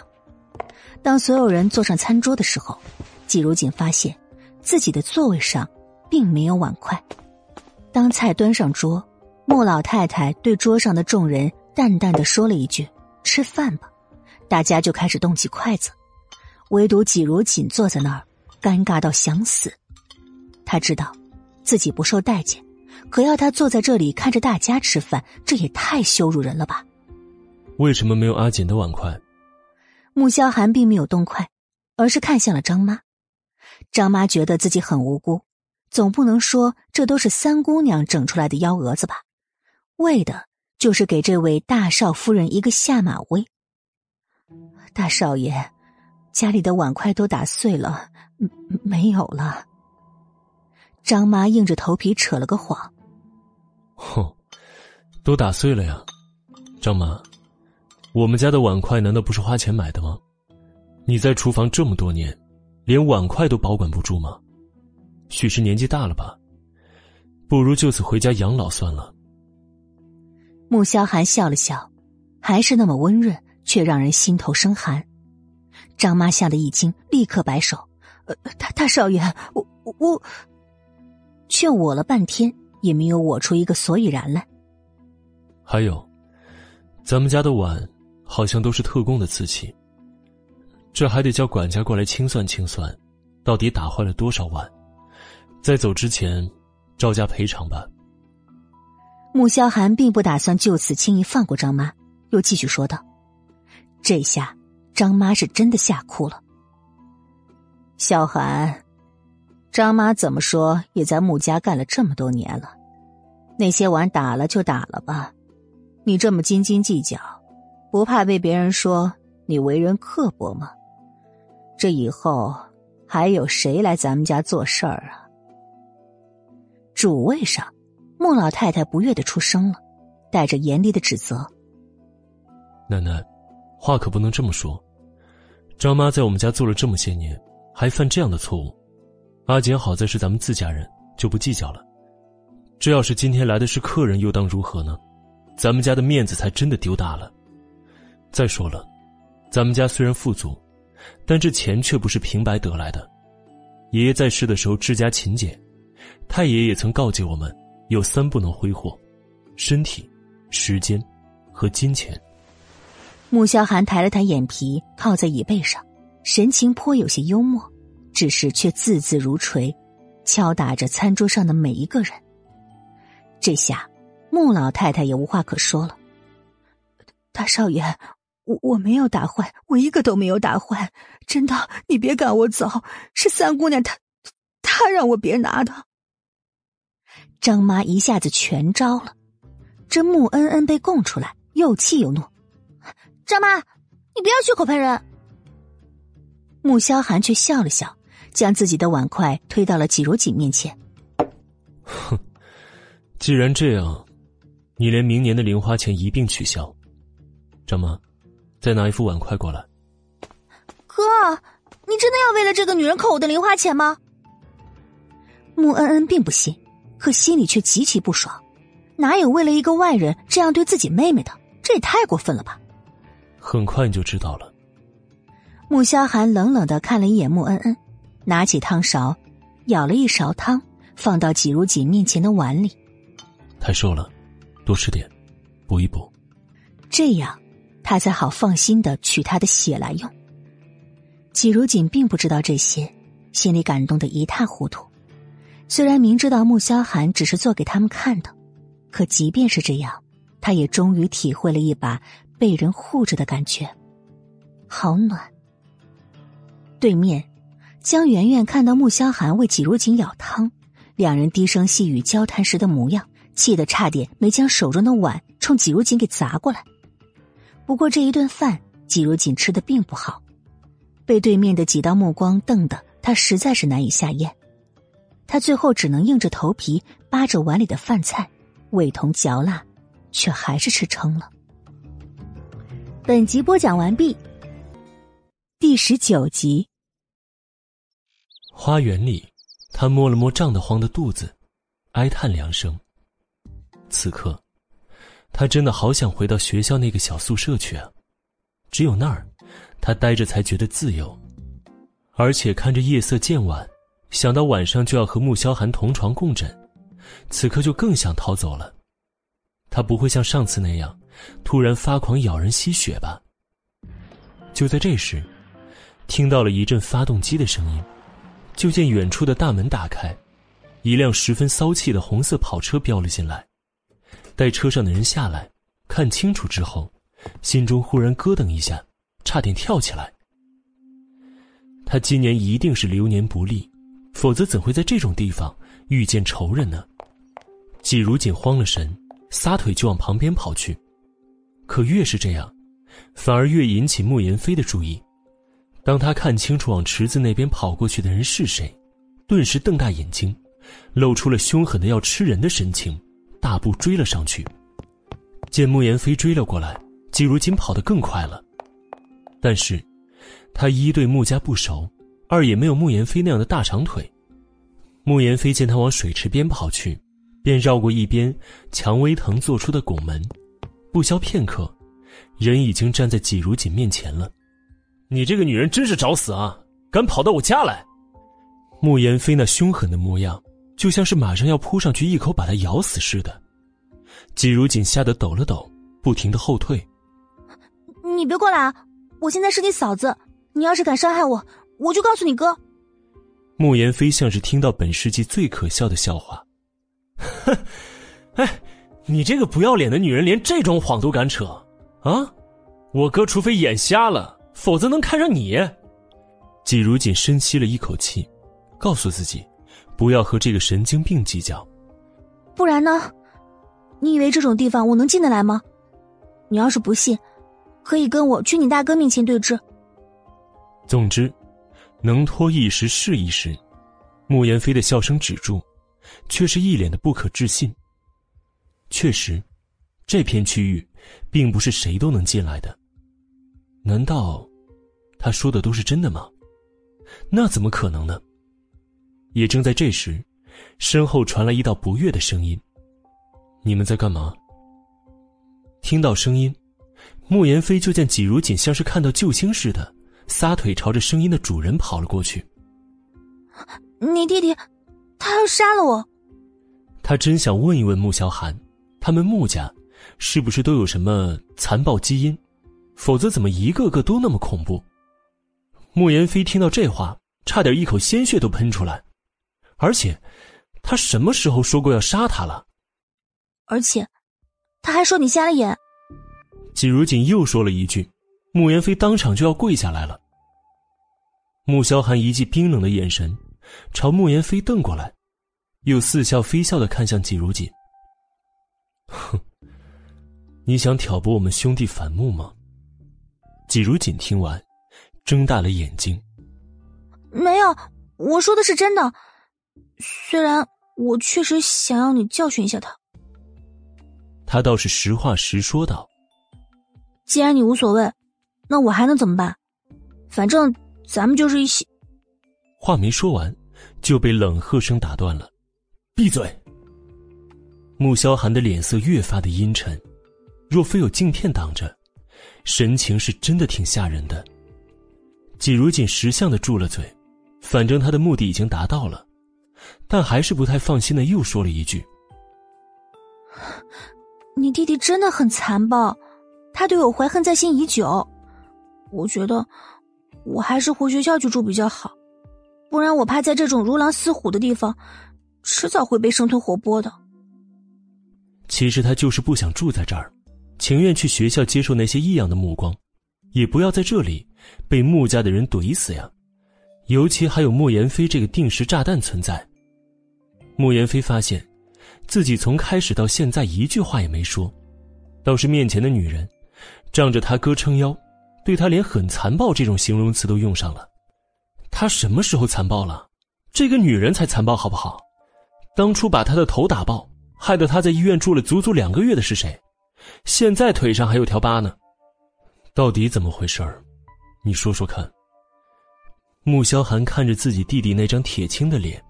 一副恨不得要扑过来杀人的模样，还真有点像这女人说的残暴。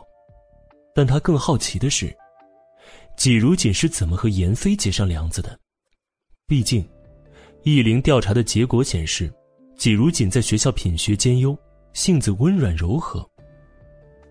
有一次，我和乐乐去江边散步，你弟弟喝多了酒撒酒疯，和他一帮兄弟。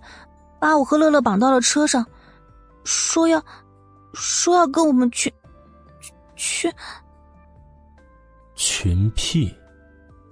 穆萧寒以前并不知道这词儿是什么意思，也是易灵调查那位小姑的时候从嘴中蹦出来的，因他没听过，好奇的问了一嘴。易灵解释过后，第二十集，季如锦尴尬的点点头。嗯他们把我们绑到公园里，我和乐乐反抗，你弟弟把我压在草地上剥我的衣服，我情急之下踢了他的裆部，他疼的不行，我就趁机爬起来想要逃跑，哪知道他一只手还抓着我的脚，我吓死了，我抬脚就冲他踹了过去。这件事情是一年前的春天发生的吗？穆萧寒想了想，只有那次的事儿，在时间和地点上。与季如锦说的相符。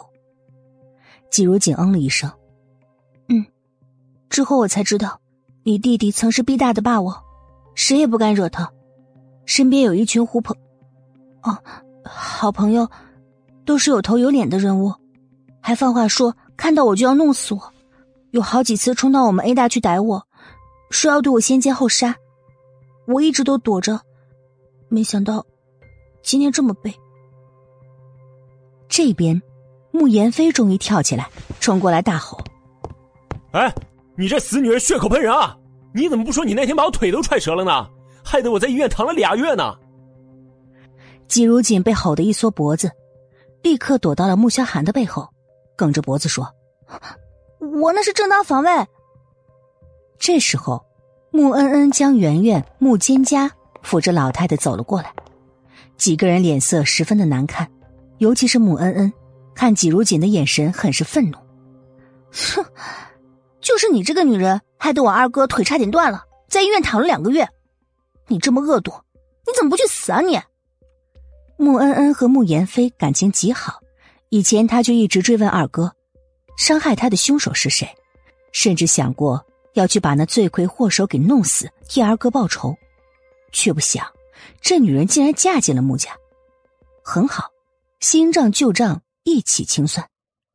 哼，就算是你不想和圆圆结婚，也要找一个身世清白、品行端庄、心地善良的女孩才是啊。穆蒹葭在旁边也跟着指责，那意思是说，季如锦无父无母，品行不端，心肠歹毒。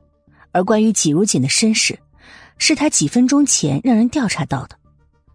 趁你爸妈还没回来，不知道这件事情，赶紧跟这个女儿离婚了吧，否则，要是让他们知道你和伤害妍飞的女人结婚，他们得有多伤心呢？穆老太太也下了命令，她根本就不喜欢这个季如锦，如今知道他是害得自己孙子差点瘫掉了条腿的人，更是容不得他了。季如锦面色瞬间煞白，他想哭，可是尊严告诉他不能哭。难道他无父无母就该被这些自以为高高在上的人践踏欺辱吗？明明是穆言飞对他企图不轨在先。可穆家的人不分青红皂白，就将所有的罪责全都算在了他的头上。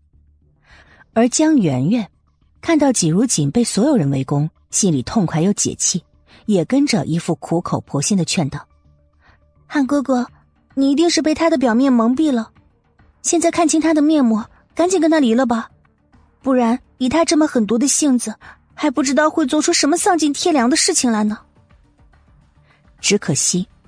穆萧寒不管季如锦狠不狠毒，他现在要用他的血，所以必然是不会放他离开的。他的目光在面前几人身上扫过，最后落在季如锦的脸上。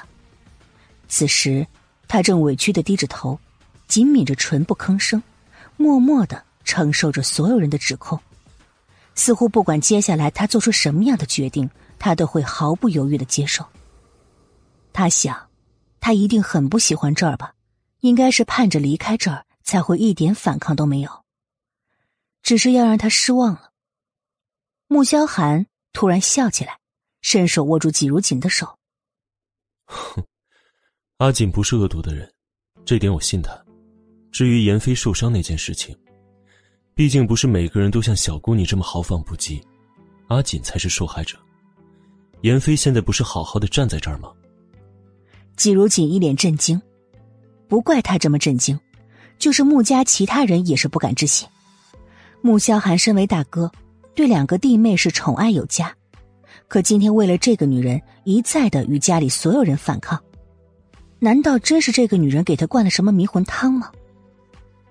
哥，你是不是被他灌迷魂药了？你怎么处处都向着他？我们才是你最亲的人，你怎么可以为了包庇他就不为二哥报仇了呢？当初你可说了，若是找到那个害二哥受伤的人，一定饶不了他。穆恩恩气愤到了难以置信，对于季如锦的敌意也越来越深了。这个女人的出现，令他感到了一种即将失去最疼爱自己亲人的恐慌。嗯，是的，我晚上一定好好教训他，让他知道什么叫夫刚。结果，穆萧寒一副煞有介事的说了这么一句。第二十一集。只有穆老太太、穆蒹葭、穆言飞和江媛媛听完之后，脸色变得十分精彩起来。江媛媛在心中咬牙切齿，冷冷的蹦出三个字来：“不要脸。”季如锦没听进去，但却在担心穆萧寒晚上会怎么教训自己。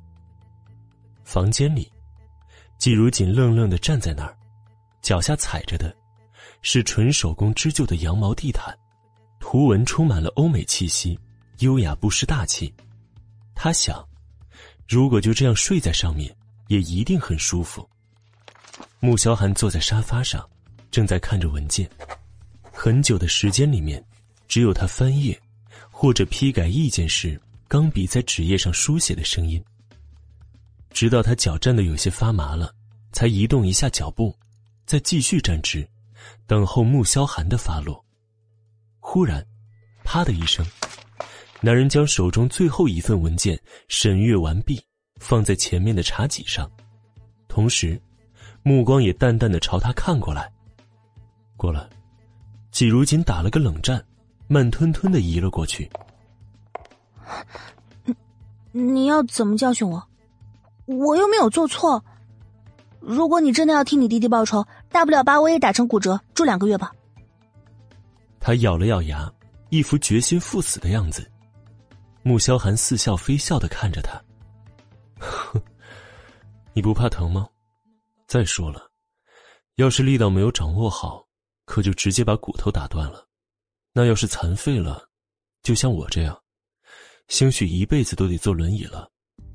季如锦听了，太阳穴突突的跳起来，只觉得手心里全都是汗，想到自己的腿要被活生生打断，就有些站不稳了。看着他如同自己预想那般，吓得脸都白了，穆萧寒顿时没有继续吓唬他的兴致，心里感叹着，在季家的这几年。他怕是没少受到折磨，否则怎的他一句话就将他吓成这样？却不知，他那天在酒店的模样，还有穆家这咄咄逼人的权势，都让季如锦感到害怕。一个季家，就能对他为所欲为，更别说是春城说一不二的穆家了。你放心，我对你这两条腿不感兴趣，推我进去，我要洗澡了。穆萧寒决定放过他，指着主卧那边，命令般的说道：“季如锦刚松了一口气，紧接着，一颗心又提了起来。他这话什么意思？不会还要让他伺候洗澡吧？”心里面忐忑不安，却还是走了过来，推着穆萧寒进入卧室。卧房里面，除了右手墙面上有一张八门衣柜，一张大床。两个床头柜，再没有任何家具。原本这房间就大的可以开派对了，此时看着空荡荡，一点不像是有人住的样子。季如锦在心中忍不住的腹诽着：“真是个奇怪的人。”去更衣室。穆萧寒指了指衣柜旁边的一道门，他点点头，推着穆萧寒进入更衣室。到了更衣室，他就愣住了。这里只比外面的卧室小了三分之一的样子，三面墙上全都是柜子，而中间又摆了几个玻璃展柜，柜子里面放着几十块的手表，一看就知价值不菲。一面墙上摆满了各种皮鞋，而另一面墙上摆满了各种西装以及领带、皮带。更让他觉得头皮发麻的是，这些鞋和衣服、领带，竟毫无意外。是同一个款式，一个颜色，且整整齐齐，一丝不苟。此刻，他觉得这个男人已经强迫症到了一种变态的程度。那面墙，以后就放你的衣物。这里会让人再加两组柜子，可以放首饰。外面的柜子我已经让人腾出来一半，可以放睡衣和其他物品。穆萧寒只当没看到他那副瞠目结舌的神情，坐在那儿。指着那面空着的柜子说道：“季如锦连忙摆手，不用了，我的衣服很少，随便在外面的衣柜里找一个小格子就能放满。”开玩笑呢，这里随便一样物品就比他所有家当都贵，而且以他这种强迫症到令人发指的地步，估计看到他的那些衣服，分分钟都想扔出去。穆萧寒看着他，冷笑又嫌弃的说着：“哼，你不会是还想把那些从地摊上买来的衣服带过来吧？”这眼神充满了警告，好像只要季如锦点头敢说是，就会立马将他就地正法似的。季如锦呵呵的发出一声尴尬的笑声：“ 我还是学生，我买不起那种名牌。”他真想说：“您老人家就别为难我这穷光蛋了。”更盼着穆萧寒，索性将他从这儿赶出去，别碍了他尊严才好。待会儿把尺寸告诉我，明天会有人送过来。穆萧寒是不会如他所愿的。果然，季如锦马上垮下脸来。我要不还是……只是话还没说完，便被男人那一刻冰冷的警告给打住了。最后言不由衷的说着：“这样也好。”省得我自己再花时间去买。穆萧寒很满意他的识时务，点点头说道：“你现在是我穆萧寒的妻子，代表的，是穆家和我的脸面。穿的太寒酸了，损的只会是我穆家的颜面。所以这三年的吃穿用度都不用你管，你不用有任何心理负担。”季如锦原本是很有心理负担的，可是听到他这样说话时，不由恨恨的想。果然，穆家人都是一样的德行。从更衣室里面出来，季如锦打开外面的衣柜，从众多的黑色真丝睡衣里面随手拿出一套，结果男人却指着最前面的一套说道：“第一套。”季如锦愣了愣，拿出第一套，又将手上这套随手放了进去，结果男人又说道：“错了，放在第七套。”他满头黑线。真想问一句，都是同款式、同颜色，先穿哪一套有什么区别吗？按照男人的要求放好之后，季如锦又推他进了浴室。刚将人推进去，他就噌的一下将门关上了，动作迅速的让穆萧寒以为他变成了一只兔子。不过他并没有打算让他亲自替自己洗澡，虽然和他结婚只是权宜之计。从浴室里面跑出来。季如锦这才重重的呼出一口气来，然后目光就看向了衣柜。他走过去，打开柜门。本集播讲完毕，更多第二十二集。看着里面摆的整整齐齐的睡衣，忽然起了一丝坏念头，将第一件和最后一件调换了位置。他就不信，他连这个也能察觉出来。之后。他便将这件事情付诸脑外了。听着里面传来哗哗的水声，忽然有些担心起来。他的腿不能动，他一个人在里面会不会有什么问题啊？他在房间里面转了两圈，最后还是走到浴室门口，将耳朵贴在门上听了起来，心想：要是穆萧寒摔倒了，他可以立即听到，也好马上过去帮忙。也不知听了多久。忽然，门咔嚓一声打开了。季如锦一脸尴尬的看着穿着黑色睡衣坐在轮椅上的男人，说道：“哦，我我就是怕你摔倒，没别的想法。”穆萧寒笑了笑，操纵着轮椅走出浴室，悠悠的说了一句：“哼，既然这么担心，那明天就由你来帮我洗澡。”听到这句话，季如锦恨不得咬掉自己的舌头。那个，既然你能自己洗，我就放心了。这意思明摆着就是不想帮他洗澡，可穆萧寒却觉得不能如此轻易的放过他。你忘了，我这腿是怎么不能动的了吗？季如锦哑口无言，心想自己这到底是做了什么孽呀？那，嗯，明天再说吧。心中愧疚，实在说不出拒绝的话。脸色难看的含糊了一句：“呵呵，时间不早了，你先洗吧。”穆萧寒笑了笑，镜片后面的眼睛忽的染上一层暖色。我没有换洗的衣服，还有，我睡哪？季如锦可没想过要和穆萧寒睡在一张床上。穆萧寒看了他一眼：“你要是不想睡床上，可以睡地上。”季如锦被抑住了。下意识的踩了踩脚下的地毯，睡地上就睡地上，结果穆萧寒见他转身进入浴室，没多久，洗了把脸就出来，然后打开衣柜，从里面抱了一床毯子，在地上睡下。这一气呵成的动作，令他也是惊讶了一番。想到这个女人情愿睡在地上，也不愿和自己睡一张床，脸色莫名的黑了下来。折腾了一天，季如锦躺下之后，便觉得疲惫万分，闭上眼睛。很快就睡了过去。睡前，他脑海中飘过一个念头：这一天总算是又过去了，虽然艰难了点儿，但是慢慢的熬，总会熬出头的。我一定要找出养父出事的真相，我还要找到亲生父母。季如锦，你是打不死的小强，没有人可以击垮你。加油！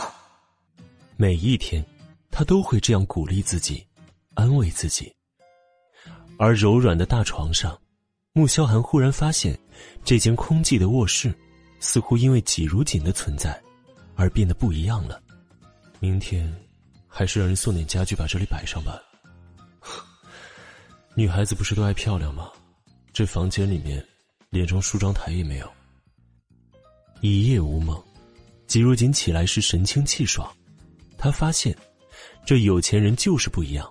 地毯都比他宿舍那张铺了两床褥子的床都还要柔软舒服。等他起来，抱着毯子向床上看时，发现穆萧寒已经不在了。他连忙折好毯子放进柜子里面，又去漱口。刚走出卧室，就被外面厅里的阵仗吓到了。十几个那种在服装店里面才能看到的可推动衣架，衣架上挂了各种各样的衣服。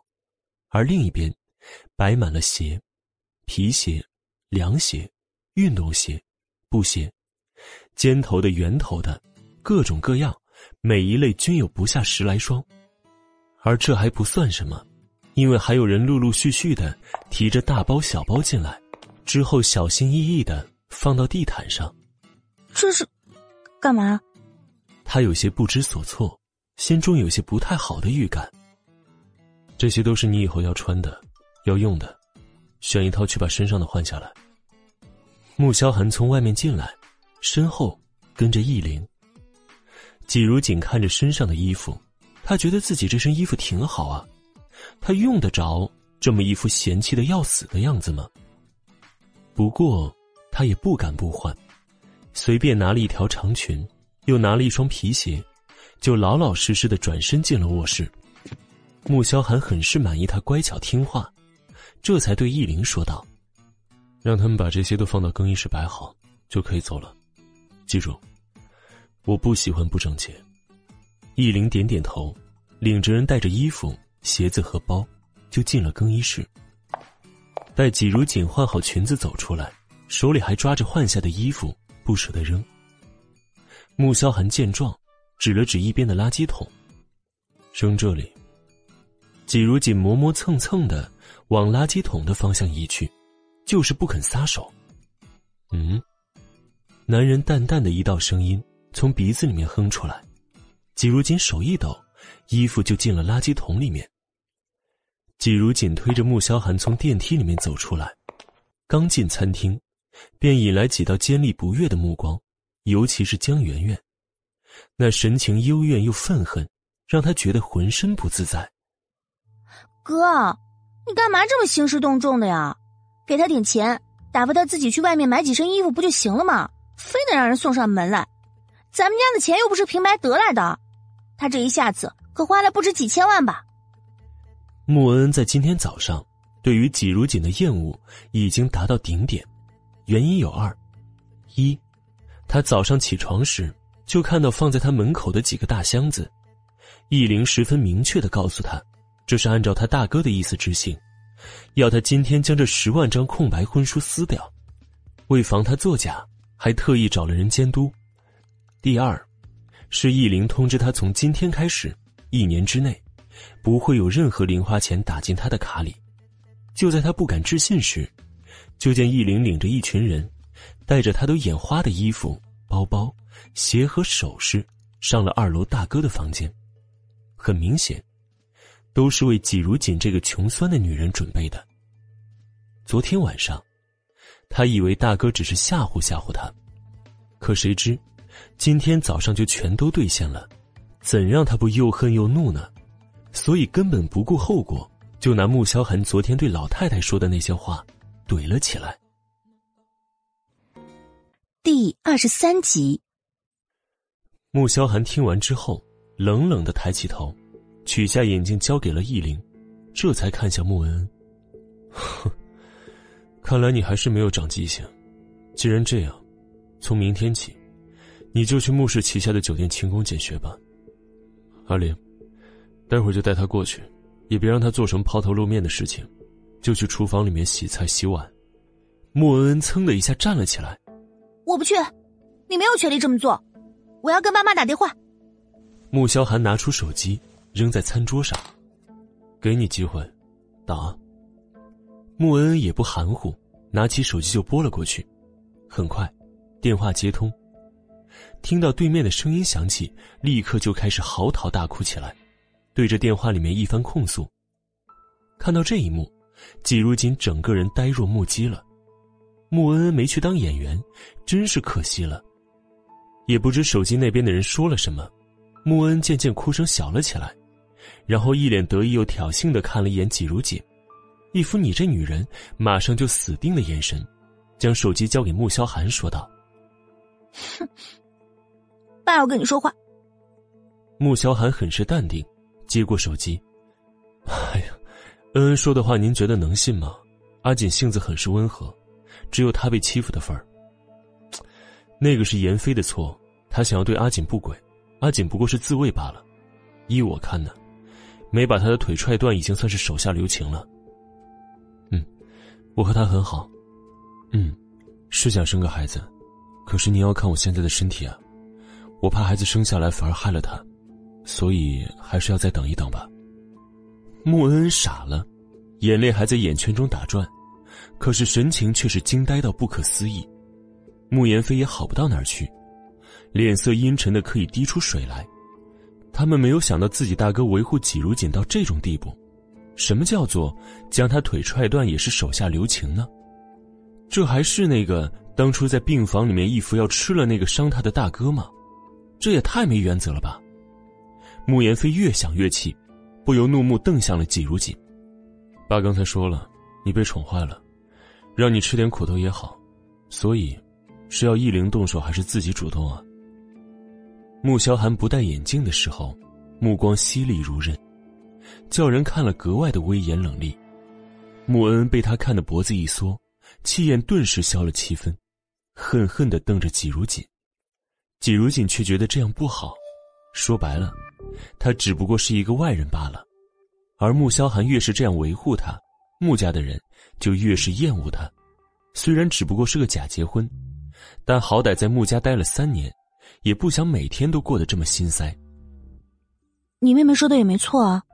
确实兴师动众的，我从来没有穿过这么贵的衣服，也不习惯。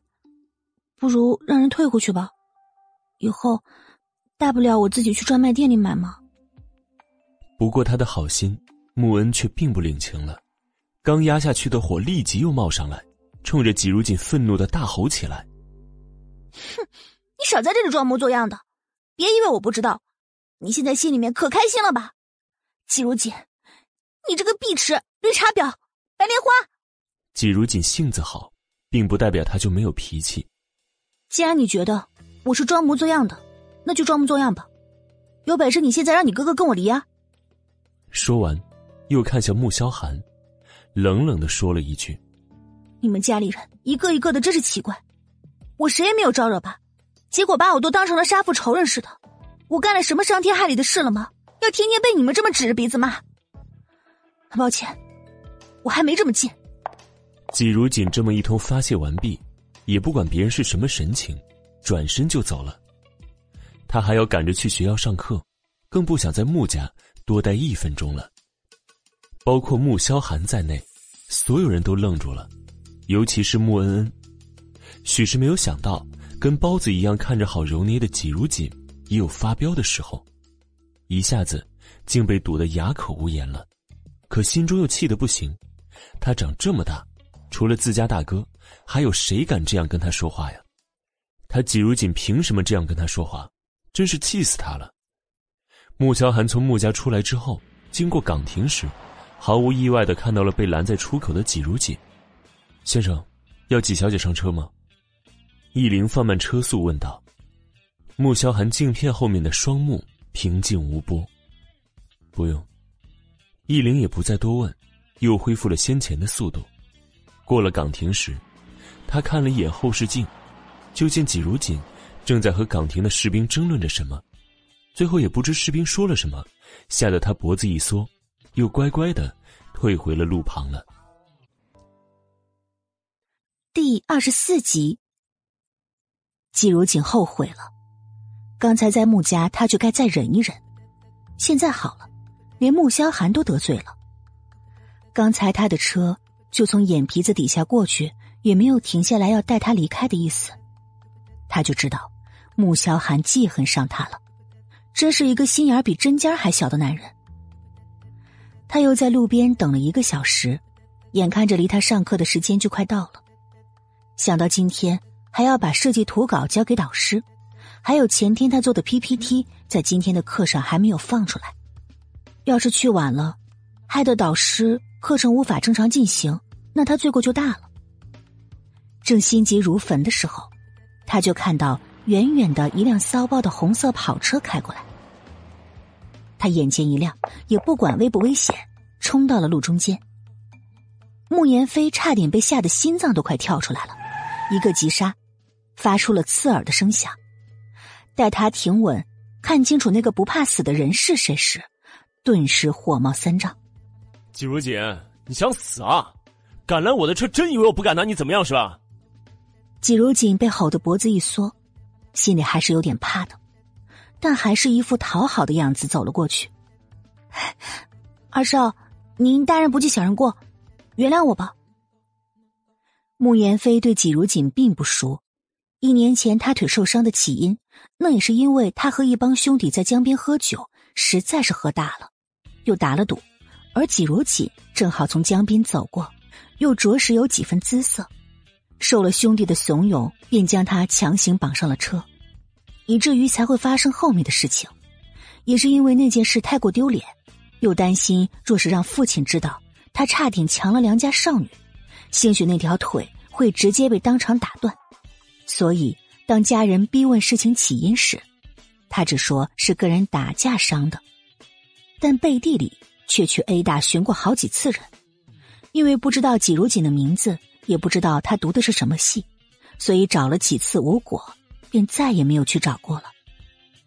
昨天看到季如锦时，想起了旧账，心里恨得牙根直痒，没想到。他不但成了自己的大嫂，还当着大哥的面将那次的事情如实的说出来。当时想杀他的心都有了。现在见他讨好的求原谅，莫二少便得意的又傲娇起来，心里想着要新账旧账一起算了。哼，原谅你，季如锦，你以为你是谁呀？你配我原谅吗？季如锦从不认为慕言飞受伤的事情是因为他的错。如果时间倒回，他想他还会那么做的，但现在不是硬气的时候，于是捂着良心说：“我不是你嫂子吗？”你给我滚！有多远给我滚多远！还想当我嫂子？你也配呀！穆二少勃然大怒，指着季如锦的鼻子吼起来。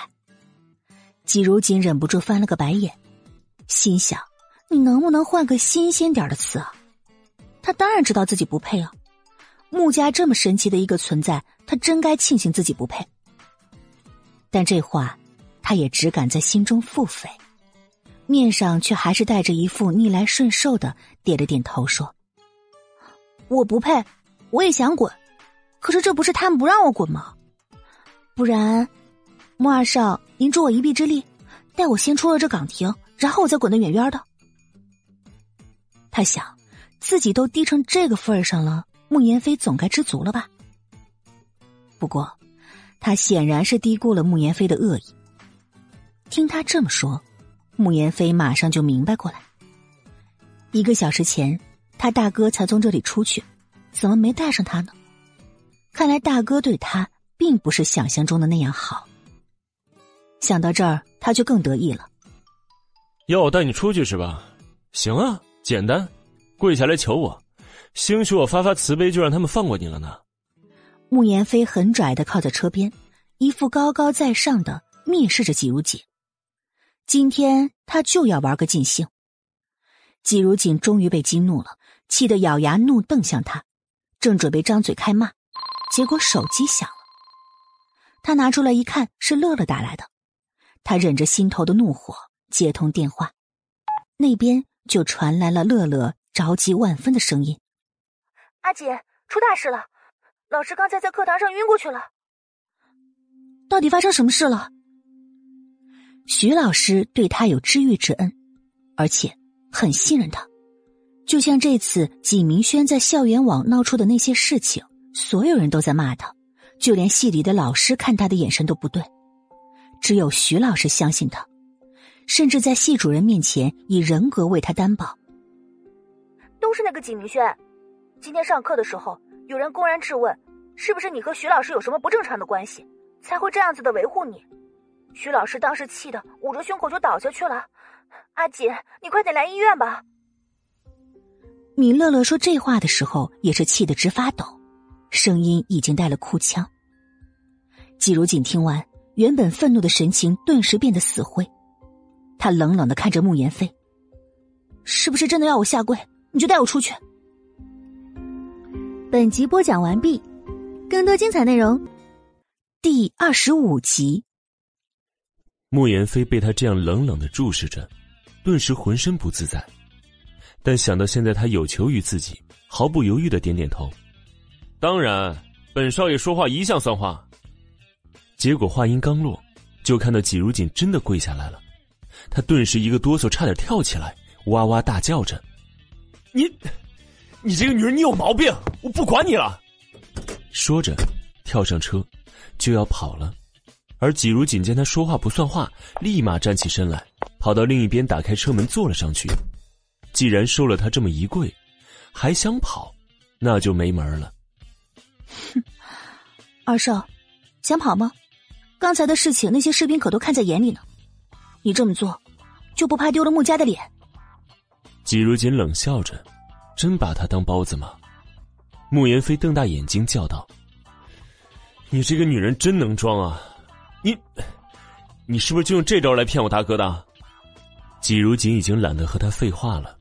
穆家的人都认为他是装的，都认为是他骗了穆萧寒，可谁又知道，他是被逼无奈呢？可能这话他说给任何一个人听，都不会有人相信，所以他不如流着口水，说一些更加有用的话。开车吧，您，我赶时间，把我送到市一医院。季如锦拍了拍车门。催促道：“此时他其实是心急如焚的，也不知老师现在怎么样了。”莫言飞气结：“我什么时候说过要送你了？”季如锦烦躁的看了过来，从包中掏出一把钥匙，对准车门：“你可以不送啊，信不信我把你的车刮花？”莫言飞又要跳起来了，这可是他刚买的法拉利啊，全球也只有三辆，这可是他跟大哥说了两个月的好话。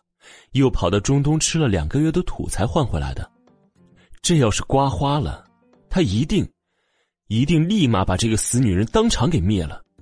哼，你敢？敢不敢？你可以试试。季如锦动了动手，就像是真要刮上去一样。哎，好，好，好，好，我送，我送。他吓得缴械投降，发动车子，踩着油门就飙了出去。而路上。慕言飞一边开车，眼刀子却一边嗖嗖的冲着季如锦射了过来。季如锦也是被瞪得手有些发抖，又怕慕言飞中途把他停下来，于是死咬着牙不肯松手，甚至还装模作样的冲着慕言飞凶了一句：“哼，瞪什么瞪？好好开你的车，小心交警叔叔看你罚单。”慕言飞气得差点笑出声来，他堂堂穆家二少。会怕一个小小的交警开罚单吗？哦，不对，问题的关键是，这个死女人是吃了雄心豹子胆吗？敢凶他？因为怒火蹭蹭直冒，车子也是一路上越开越快。此时车速已经快的季如锦两条腿都开始发抖了。好不容易，等车子在医院门口停下，他以最快的速度解开安全带，冲下车。二少，今天多谢了，改天请你吃饭。季如锦生怕穆言飞追上来把他吊打一顿，留下这样一句话，就跑进医院了。穆言飞冷笑一声：“他穆家二少会稀罕他季如锦的一顿饭吗？”五分钟之后。穆言飞觉得自己一定是脑子被门挤了才会跟过去的，他在心里告诉自己，绝对不是因为季如锦刚才那一声道谢和要请他吃饭，而是因为他今天那么一跪，他有些可怜他，所以这才上来看看到底发生了什么。季如锦一路冲到三楼的抢救室，就看到米乐乐和几名同班的同学正在走廊上等着，他立即跑了过去。乐乐，老师怎么样了？乐乐看着他着急担心的样子，安慰道：“已经进去二十几分钟了，医生正在里面抢救，在救护车上，护士还喂了几颗救心丸，做了急救措施，一定不会有事的。”季如锦知道他这是在安慰自己，心神有些不安的点点头。莫言飞走了过来，看着他脸色发白的望着抢救室，莫名有些心虚。哎，你也不用太担心啊，像这种突发性心脏病，只要抢救及时，一般住院观察几天就没事了。季如锦被他的声音吓了一跳，这才发现，他不知什么时候竟然跑了过来。原本以为他是过来跟自己算账的，却不想竟出言安慰自己，不由惊讶的张大了嘴巴，一副见鬼的神情，心想着，穆言飞该不会是中邪了吧？喂！我说你这个女人怎么这种表情啊？穆言飞顿时就不爽了。他长这么大，除了安慰过穆恩那个小丫头片子，这还是他安慰的第二个人。你你不是那个？旁边，米乐乐看了过来，待他看清楚是谁之后，顿时气得跳了起来，指着穆言飞的鼻子就要大骂。第二十六集。穆言飞看到米乐乐也跳起来，声音几乎是吼出来的：“怎么是你这么个女人？”季如锦顿时就懵了，这到底是怎么回事啊？米乐乐一副恨不得阉了穆言飞的样子，捏着拳头准备拼个你死我活。穆言飞也是一副咬牙切齿，一手开始撸起了袖子，凶神恶煞的瞪着米乐乐：“吼什么吼啊？不知道里面正在抢救病人吗？”要吵到外面吵去！就在两个人要打起来的时候，从旁边的护士站走出来一个中年的护士，一脸严肃的冲着两人斥责，顿时把两个人的气焰灭了个干干净净。季如锦看了一眼，虽然没吵了，但还是用眼神互相厮杀的二人，揉了揉额头，这还真是不是冤家不聚头啊！他没有心思去管两个人是怎么结的怨。又看向了抢救室，只盼着老师能够安然无恙。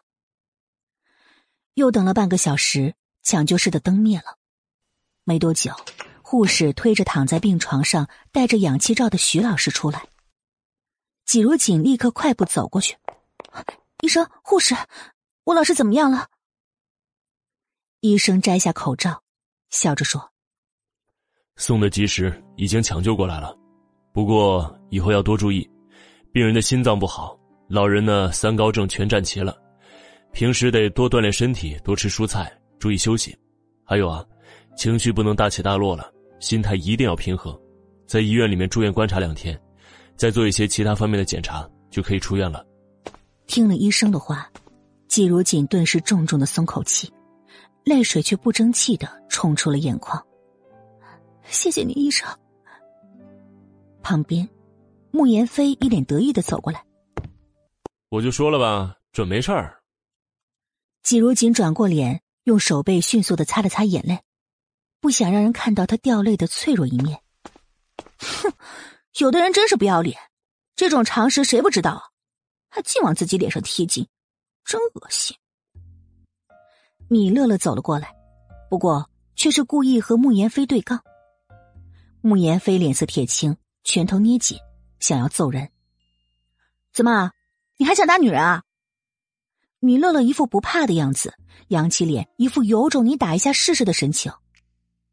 穆言飞最后还是咬了咬牙，收回拳头，心里默念：他堂堂的穆二少爷，不跟这种没品的凶婆娘一般见识。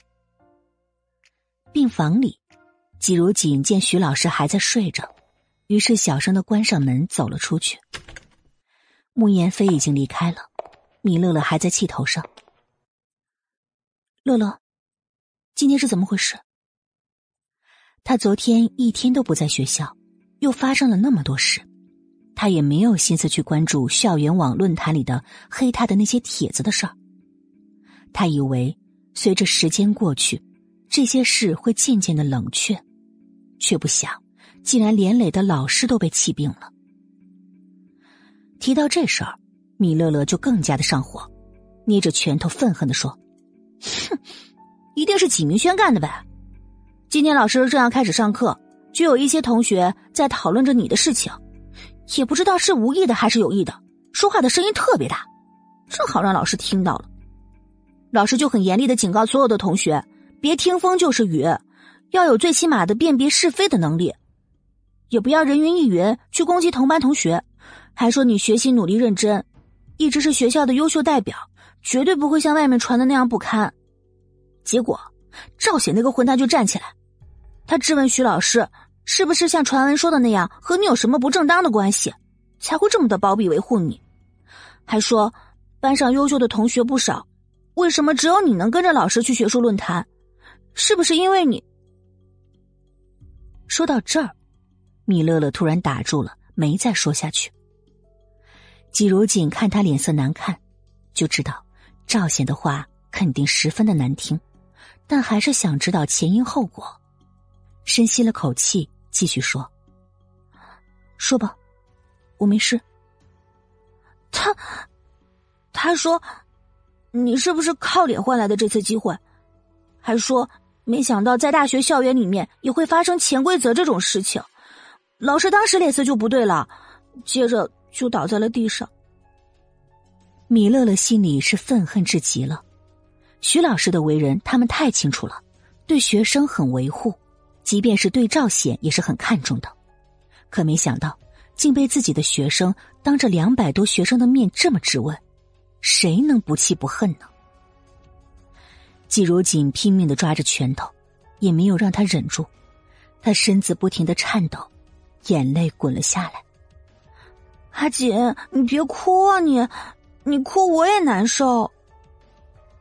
米乐乐最近也憋屈，因为他当时冲动给阿锦惹下了一个这么大的麻烦。第二十七集。可是阿锦一句怪过他的话也没有，现在这件事情。已经直接影响到了阿锦和他，甚至是老师的生活。每次看到帖子时，那些骂阿锦是贱女人、臭不要脸，怎么不去死？活在这个世界上只会污染空气，要他滚出 A 大，别坏了 A 大百年名声等等难听的话，他就后悔的要死。到了晚上，穆萧寒回到家，并没有看到季如锦，便叫来管家齐叔，问过之后才知道。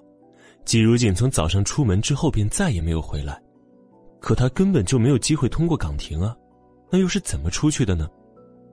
心中疑惑，便让易灵去岗亭那边问个清楚。没多久，易灵回来告诉他，季如锦是坐着慕言飞的车离开的。正在喝茶的动作顿了顿，哼，到底怎么回事儿？慕言飞恨不得能吃了他，怎么会好心帮他呢？易灵就知道什么事情也瞒不过他，只好如实说道：“二少要纪小姐跪下求他，纪小姐也不知道接了个什么人的电话，挂了电话之后立刻给二少跪下了，之后，二少就带着纪小姐离开了。”听到纪如锦竟然向自己的弟弟下跪，穆萧寒的心不知道为什么，像是被什么东西狠狠的撞了一下。穆言飞神色冷峻的说道：“把言飞叫过来，我有事情问他。”易灵愣住了，先生不会要为了纪小姐惩罚二少吧？没多久，穆言飞走了进来，看到自家大哥一脸冰冷的坐在轮椅上，看着一份资料，见他进来，也没有抬头看他一眼，不由心中一跳，有种不好的预感。大哥，你你找我有事儿啊？慕言飞的声音都小了几个度，但是并没有得到任何回应，只有穆萧寒偶尔翻页的声音。越是这样，慕言飞就越是觉得心惊胆颤。就在他憋不住要主动招认的时候，穆萧寒忽然将手中的资料放下，抬起头来，摘下眼镜。慕言飞看到这个动作，就知道自己死定了，因为他实在太清楚自家大哥这个动作所代表了什么。十年之前，大哥忽然生了一场大病，之后他便开始戴起眼镜了，戴的却是平光镜。虽然他并不知道。为什么大哥要戴着一副平光镜？但他知道，每次大哥生气的前奏，就是将眼镜摘下，用那双冷锐到让人脚底生寒的眼睛看着对方。之后，那人的下场一般会很惨，比如恩恩，上午将十万张婚书撕的手都快断了，之后又被强制性送到了穆氏旗下的酒店，到现在还在酒店后厨间洗着盘子呢。今天。让嫂子给你跪下的感觉如何呀？穆萧寒原本是不打算追究早上的事情的，但心中却压着一团火，始终没能散去，甚至连公司里的文件都没办法看下去，似乎只有将这团火气散发出去，才能平静下来。穆言飞就知道是为了这件事情，还以为是季如锦背地告状，心中愤愤的骂着：“操！”这女人真是小妹说的那种心机婊，亏我之前还内疚了一把。呃，哥，我我我就是开玩笑的，我哪知道嫂子真的会给我下跪啊？你这么护着她，再给我十个胆子我也不敢呐。面上却装起了糊涂，卖起委屈来了。哼，开玩笑，可他给你跪下，你不也受了吗？显然是不相信穆言飞的这些说辞。毕竟自己的弟弟是什么性子，他这当大哥的这么多年了，还是一清二楚的。哎呀，哥，怎么那个女人说什么你都信呢？我当时真的只是想吓唬吓唬她，我看她就是故意的，好趁机在背后捅我一刀。慕言飞不满的大叫起来：“大哥竟然为了这个才进门一天的女人就这么为难他，这日子简直没法过了。”哼，你以为是他在跟我告状啊？穆萧寒冷笑起来，看着穆言飞的神情更冷了几分。穆言飞心中一个咯噔，难道不是吗？你今天把他送到哪儿去了？穆萧寒看了一眼时间，现在已经是九点半了，这个女人还是没有回来，甚至连电话也没有一个。穆言飞支支吾吾了半天，心虚的把地址告诉穆萧寒。穆萧寒也没问他季如锦去医院做什么，便被易灵推着出门了。穆言飞想到今天早上受了他那一跪，刚才又冤枉了他，心中顿时充满了罪恶感，也跟了上去，神色复杂的说道：“哥，我听说他好像被人陷害了，你要是真心对他，你就帮帮他。”穆萧寒停了下来，看着他，神色讳莫如深，片刻之后说道。她是我的妻子，我当然会护着她。说完，便进了电梯。第二十八集，穆言飞看着电梯门合上，心里却在想：大哥对季如锦是真心的吗？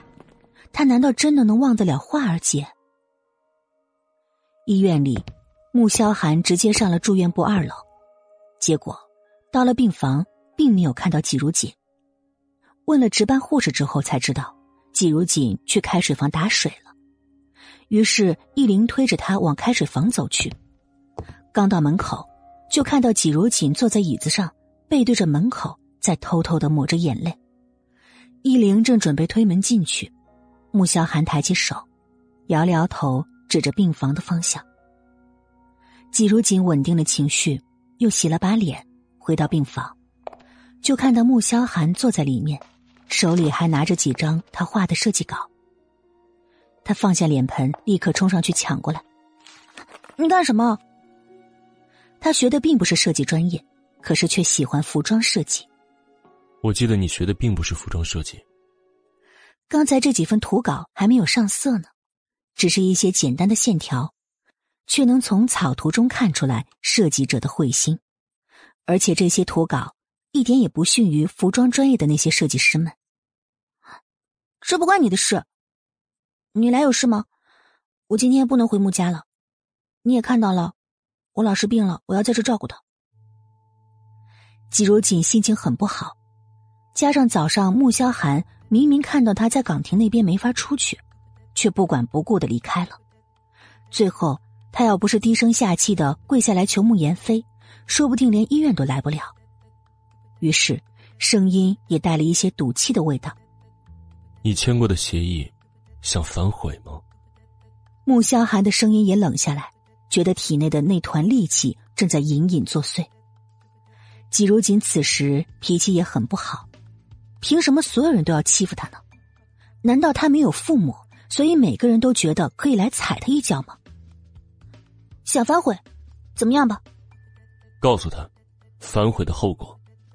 穆萧寒冷冷的看了一眼易灵，眼里充满了警告。易灵眉头一挑，硬着头皮一本假正经的说：“第二十八条第五项，乙方，也就是纪小姐您这方，如果毁约，将赔偿甲方，也就是先生两亿元。”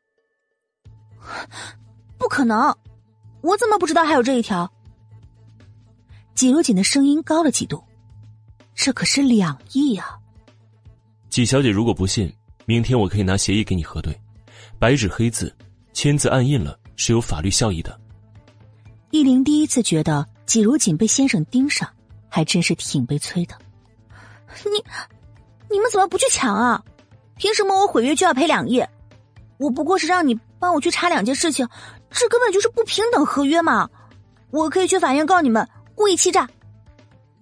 季如锦真的是要哭了，他当时一定是疯了吧，才会看也不看的就签了那份协议。现在等他发现了这就是一个巨坑的时候，已经晚了。穆萧寒看他一副真的快要哭的样子，方才一直阴郁的心情顿时好了起来。哼，谁说不平等了？合约上面注明了，你每个月可以得到八百万的零花钱，以及在夫妻关系之内该享有的权利。都会得到，是你自己不要，这难道还能怪我吗？季如锦听完，恨不得抽自己两个嘴巴子。他到底干了一件多蠢的事儿啊！难怪穆萧寒会这么好心的给他那么一大笔的零花钱，原来是后面的巨额赔偿在啊！所以这羊毛还是出在羊身上喽。他现在不要那八百万，真的是蠢到家了。还有那什么。妻子该享有的权利，他如果不用，那简直就是亏死啊！所以他狠了狠心，咬牙道：“卡呢？”穆萧寒看他一眼：“什么卡？”“就是八百万的零花钱的卡啊！”“给我。”他原本还想讲讲骨气，可现在他明白了，面对狡猾的资本主义家，骨气全部都是笑话。车上，季如锦紧紧的抓着手中的卡，想到里面有八百万，而且以后每个月都会有八百万的进账，顿时就有些手抖。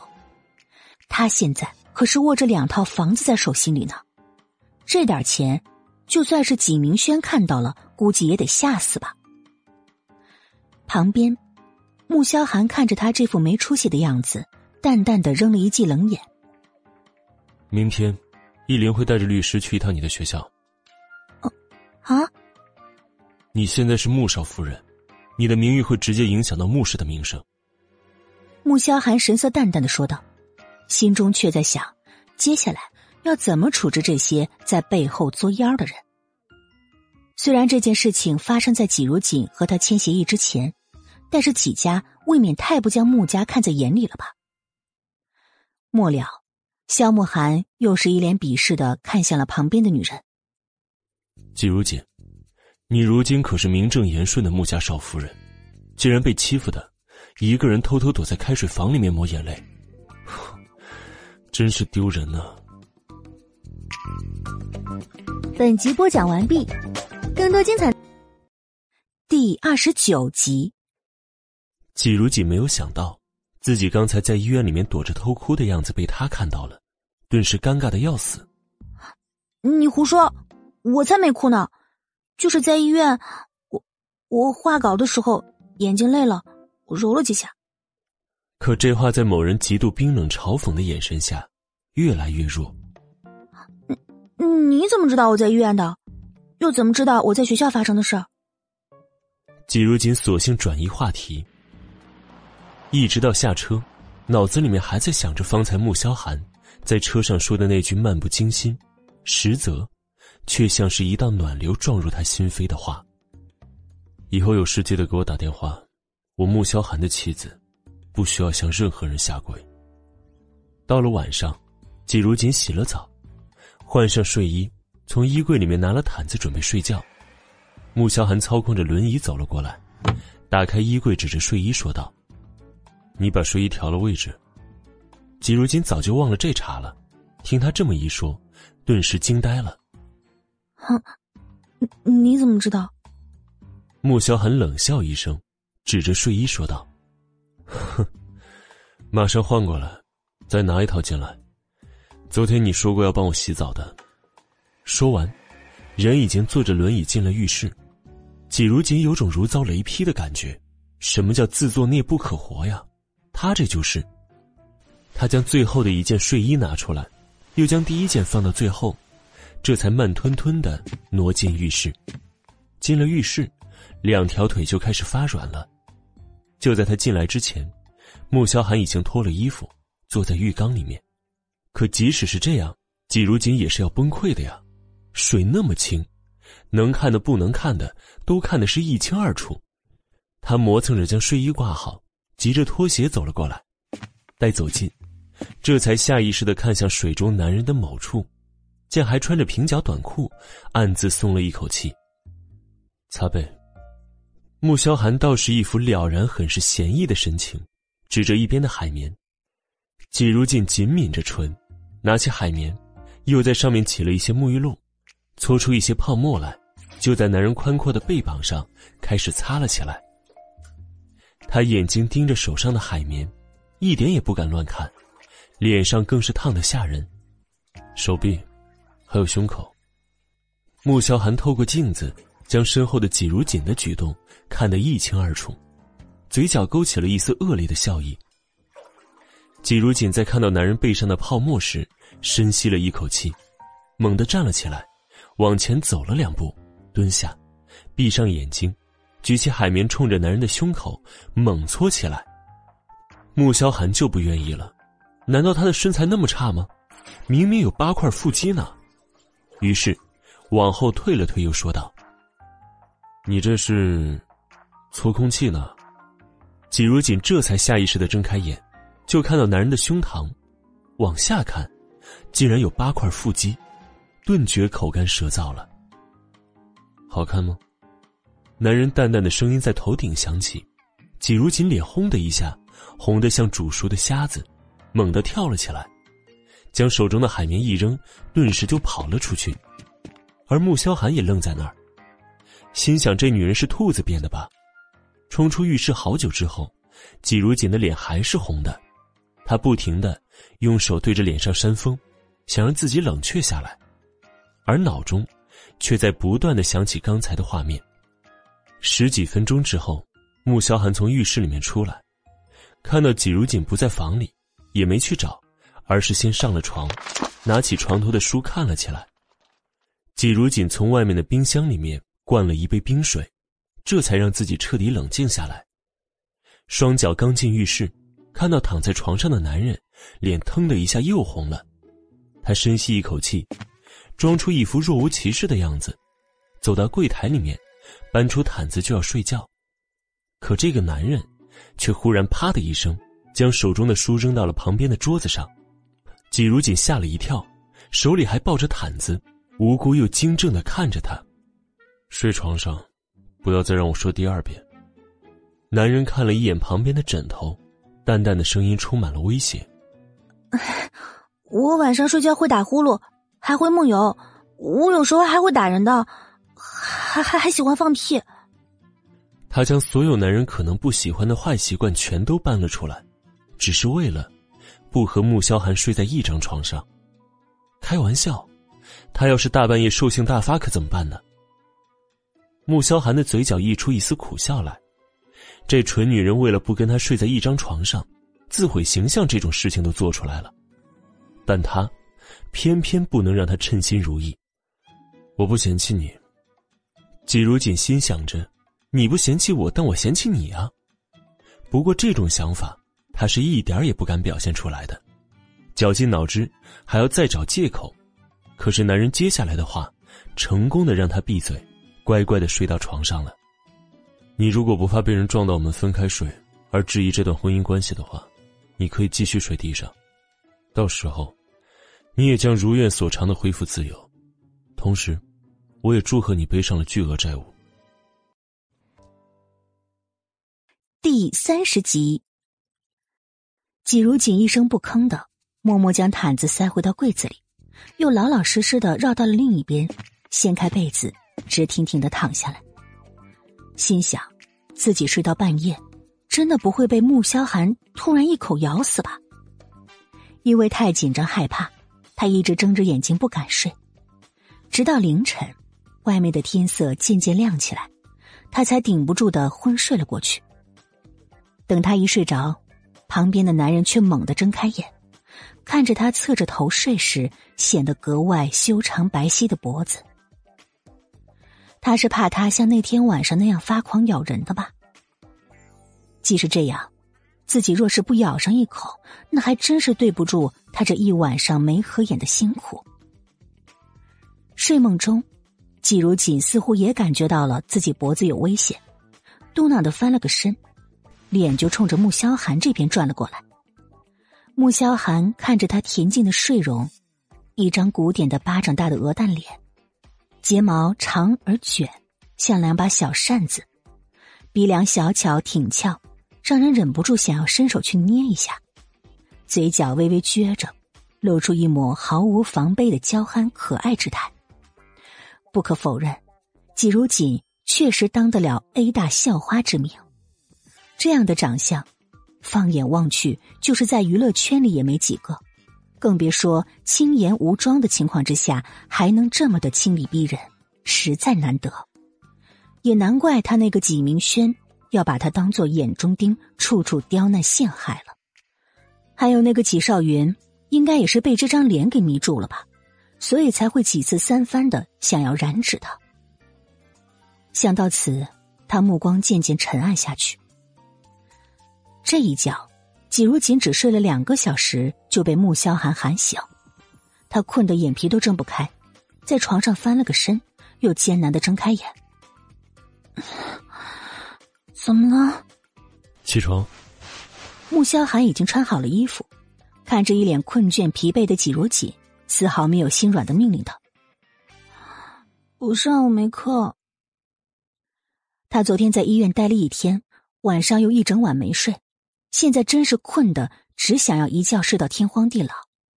起床，推我下去，别让我再说第三遍。某人又重复加重了声音。昨晚不睡，现在想懒床，做梦吧。季如锦想哭了，嗷的爬了起来，几乎是闭着眼睛走进了涮洗间。再出来的时候，虽然看着精神了点儿，却仍是哈气连天。到了一楼餐厅。穆言飞和穆恩恩、穆老太太、穆蒹葭都已经坐在餐桌前了。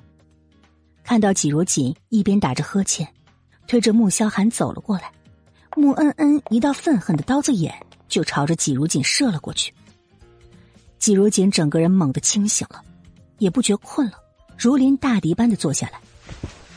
奶奶，小姑。季如锦虽然知道穆家人都不待见他。但还是礼貌的叫了一声，结果换来漠视和无视。吃过早餐，季如锦推着穆萧寒去了车库。刚到花园，穆言飞、穆恩恩也走了过来。大哥，今天我可不可以不去洗盘子了？穆恩恩走过来，可怜兮兮的看着他。昨天他在酒店洗了八个小时的盘子，而且还是全程被盯着。他从小到大没有吃过这样的苦，而这一切都是因为季如锦。只要想到最疼爱自己的大哥为了这个女人而狠心让自己吃这么重的苦头，穆恩恩就对他恨的是咬牙切齿。可以啊，向你嫂子道歉，只要她可以原谅你。穆萧寒一句话，让穆恩恩刚升起的希望一下子就被破灭了。他顿时瞪大眼睛，不敢置信的看着他：“你要我向这个女人道歉，哥？”穆恩快指到季如锦的鼻子上去了。嚣张跋扈的叫着，季如锦垂着脑袋，暗想：他哪敢要这穆三小姐的道歉啊？这不是给自己找不痛快吗？哼，那就是还想继续去洗盘子了。时间不早了，快去吧。穆萧寒一副铁面无私、毫不讲情面的样子，穆恩恩快要把季如锦给恨死了，哪能拉得下脸向他道歉呢？可若是不道歉的话，就要继续去洗盘子。两害相权取其轻，他决定先道歉吧。至于这笔账，先记着，等以后一次算清。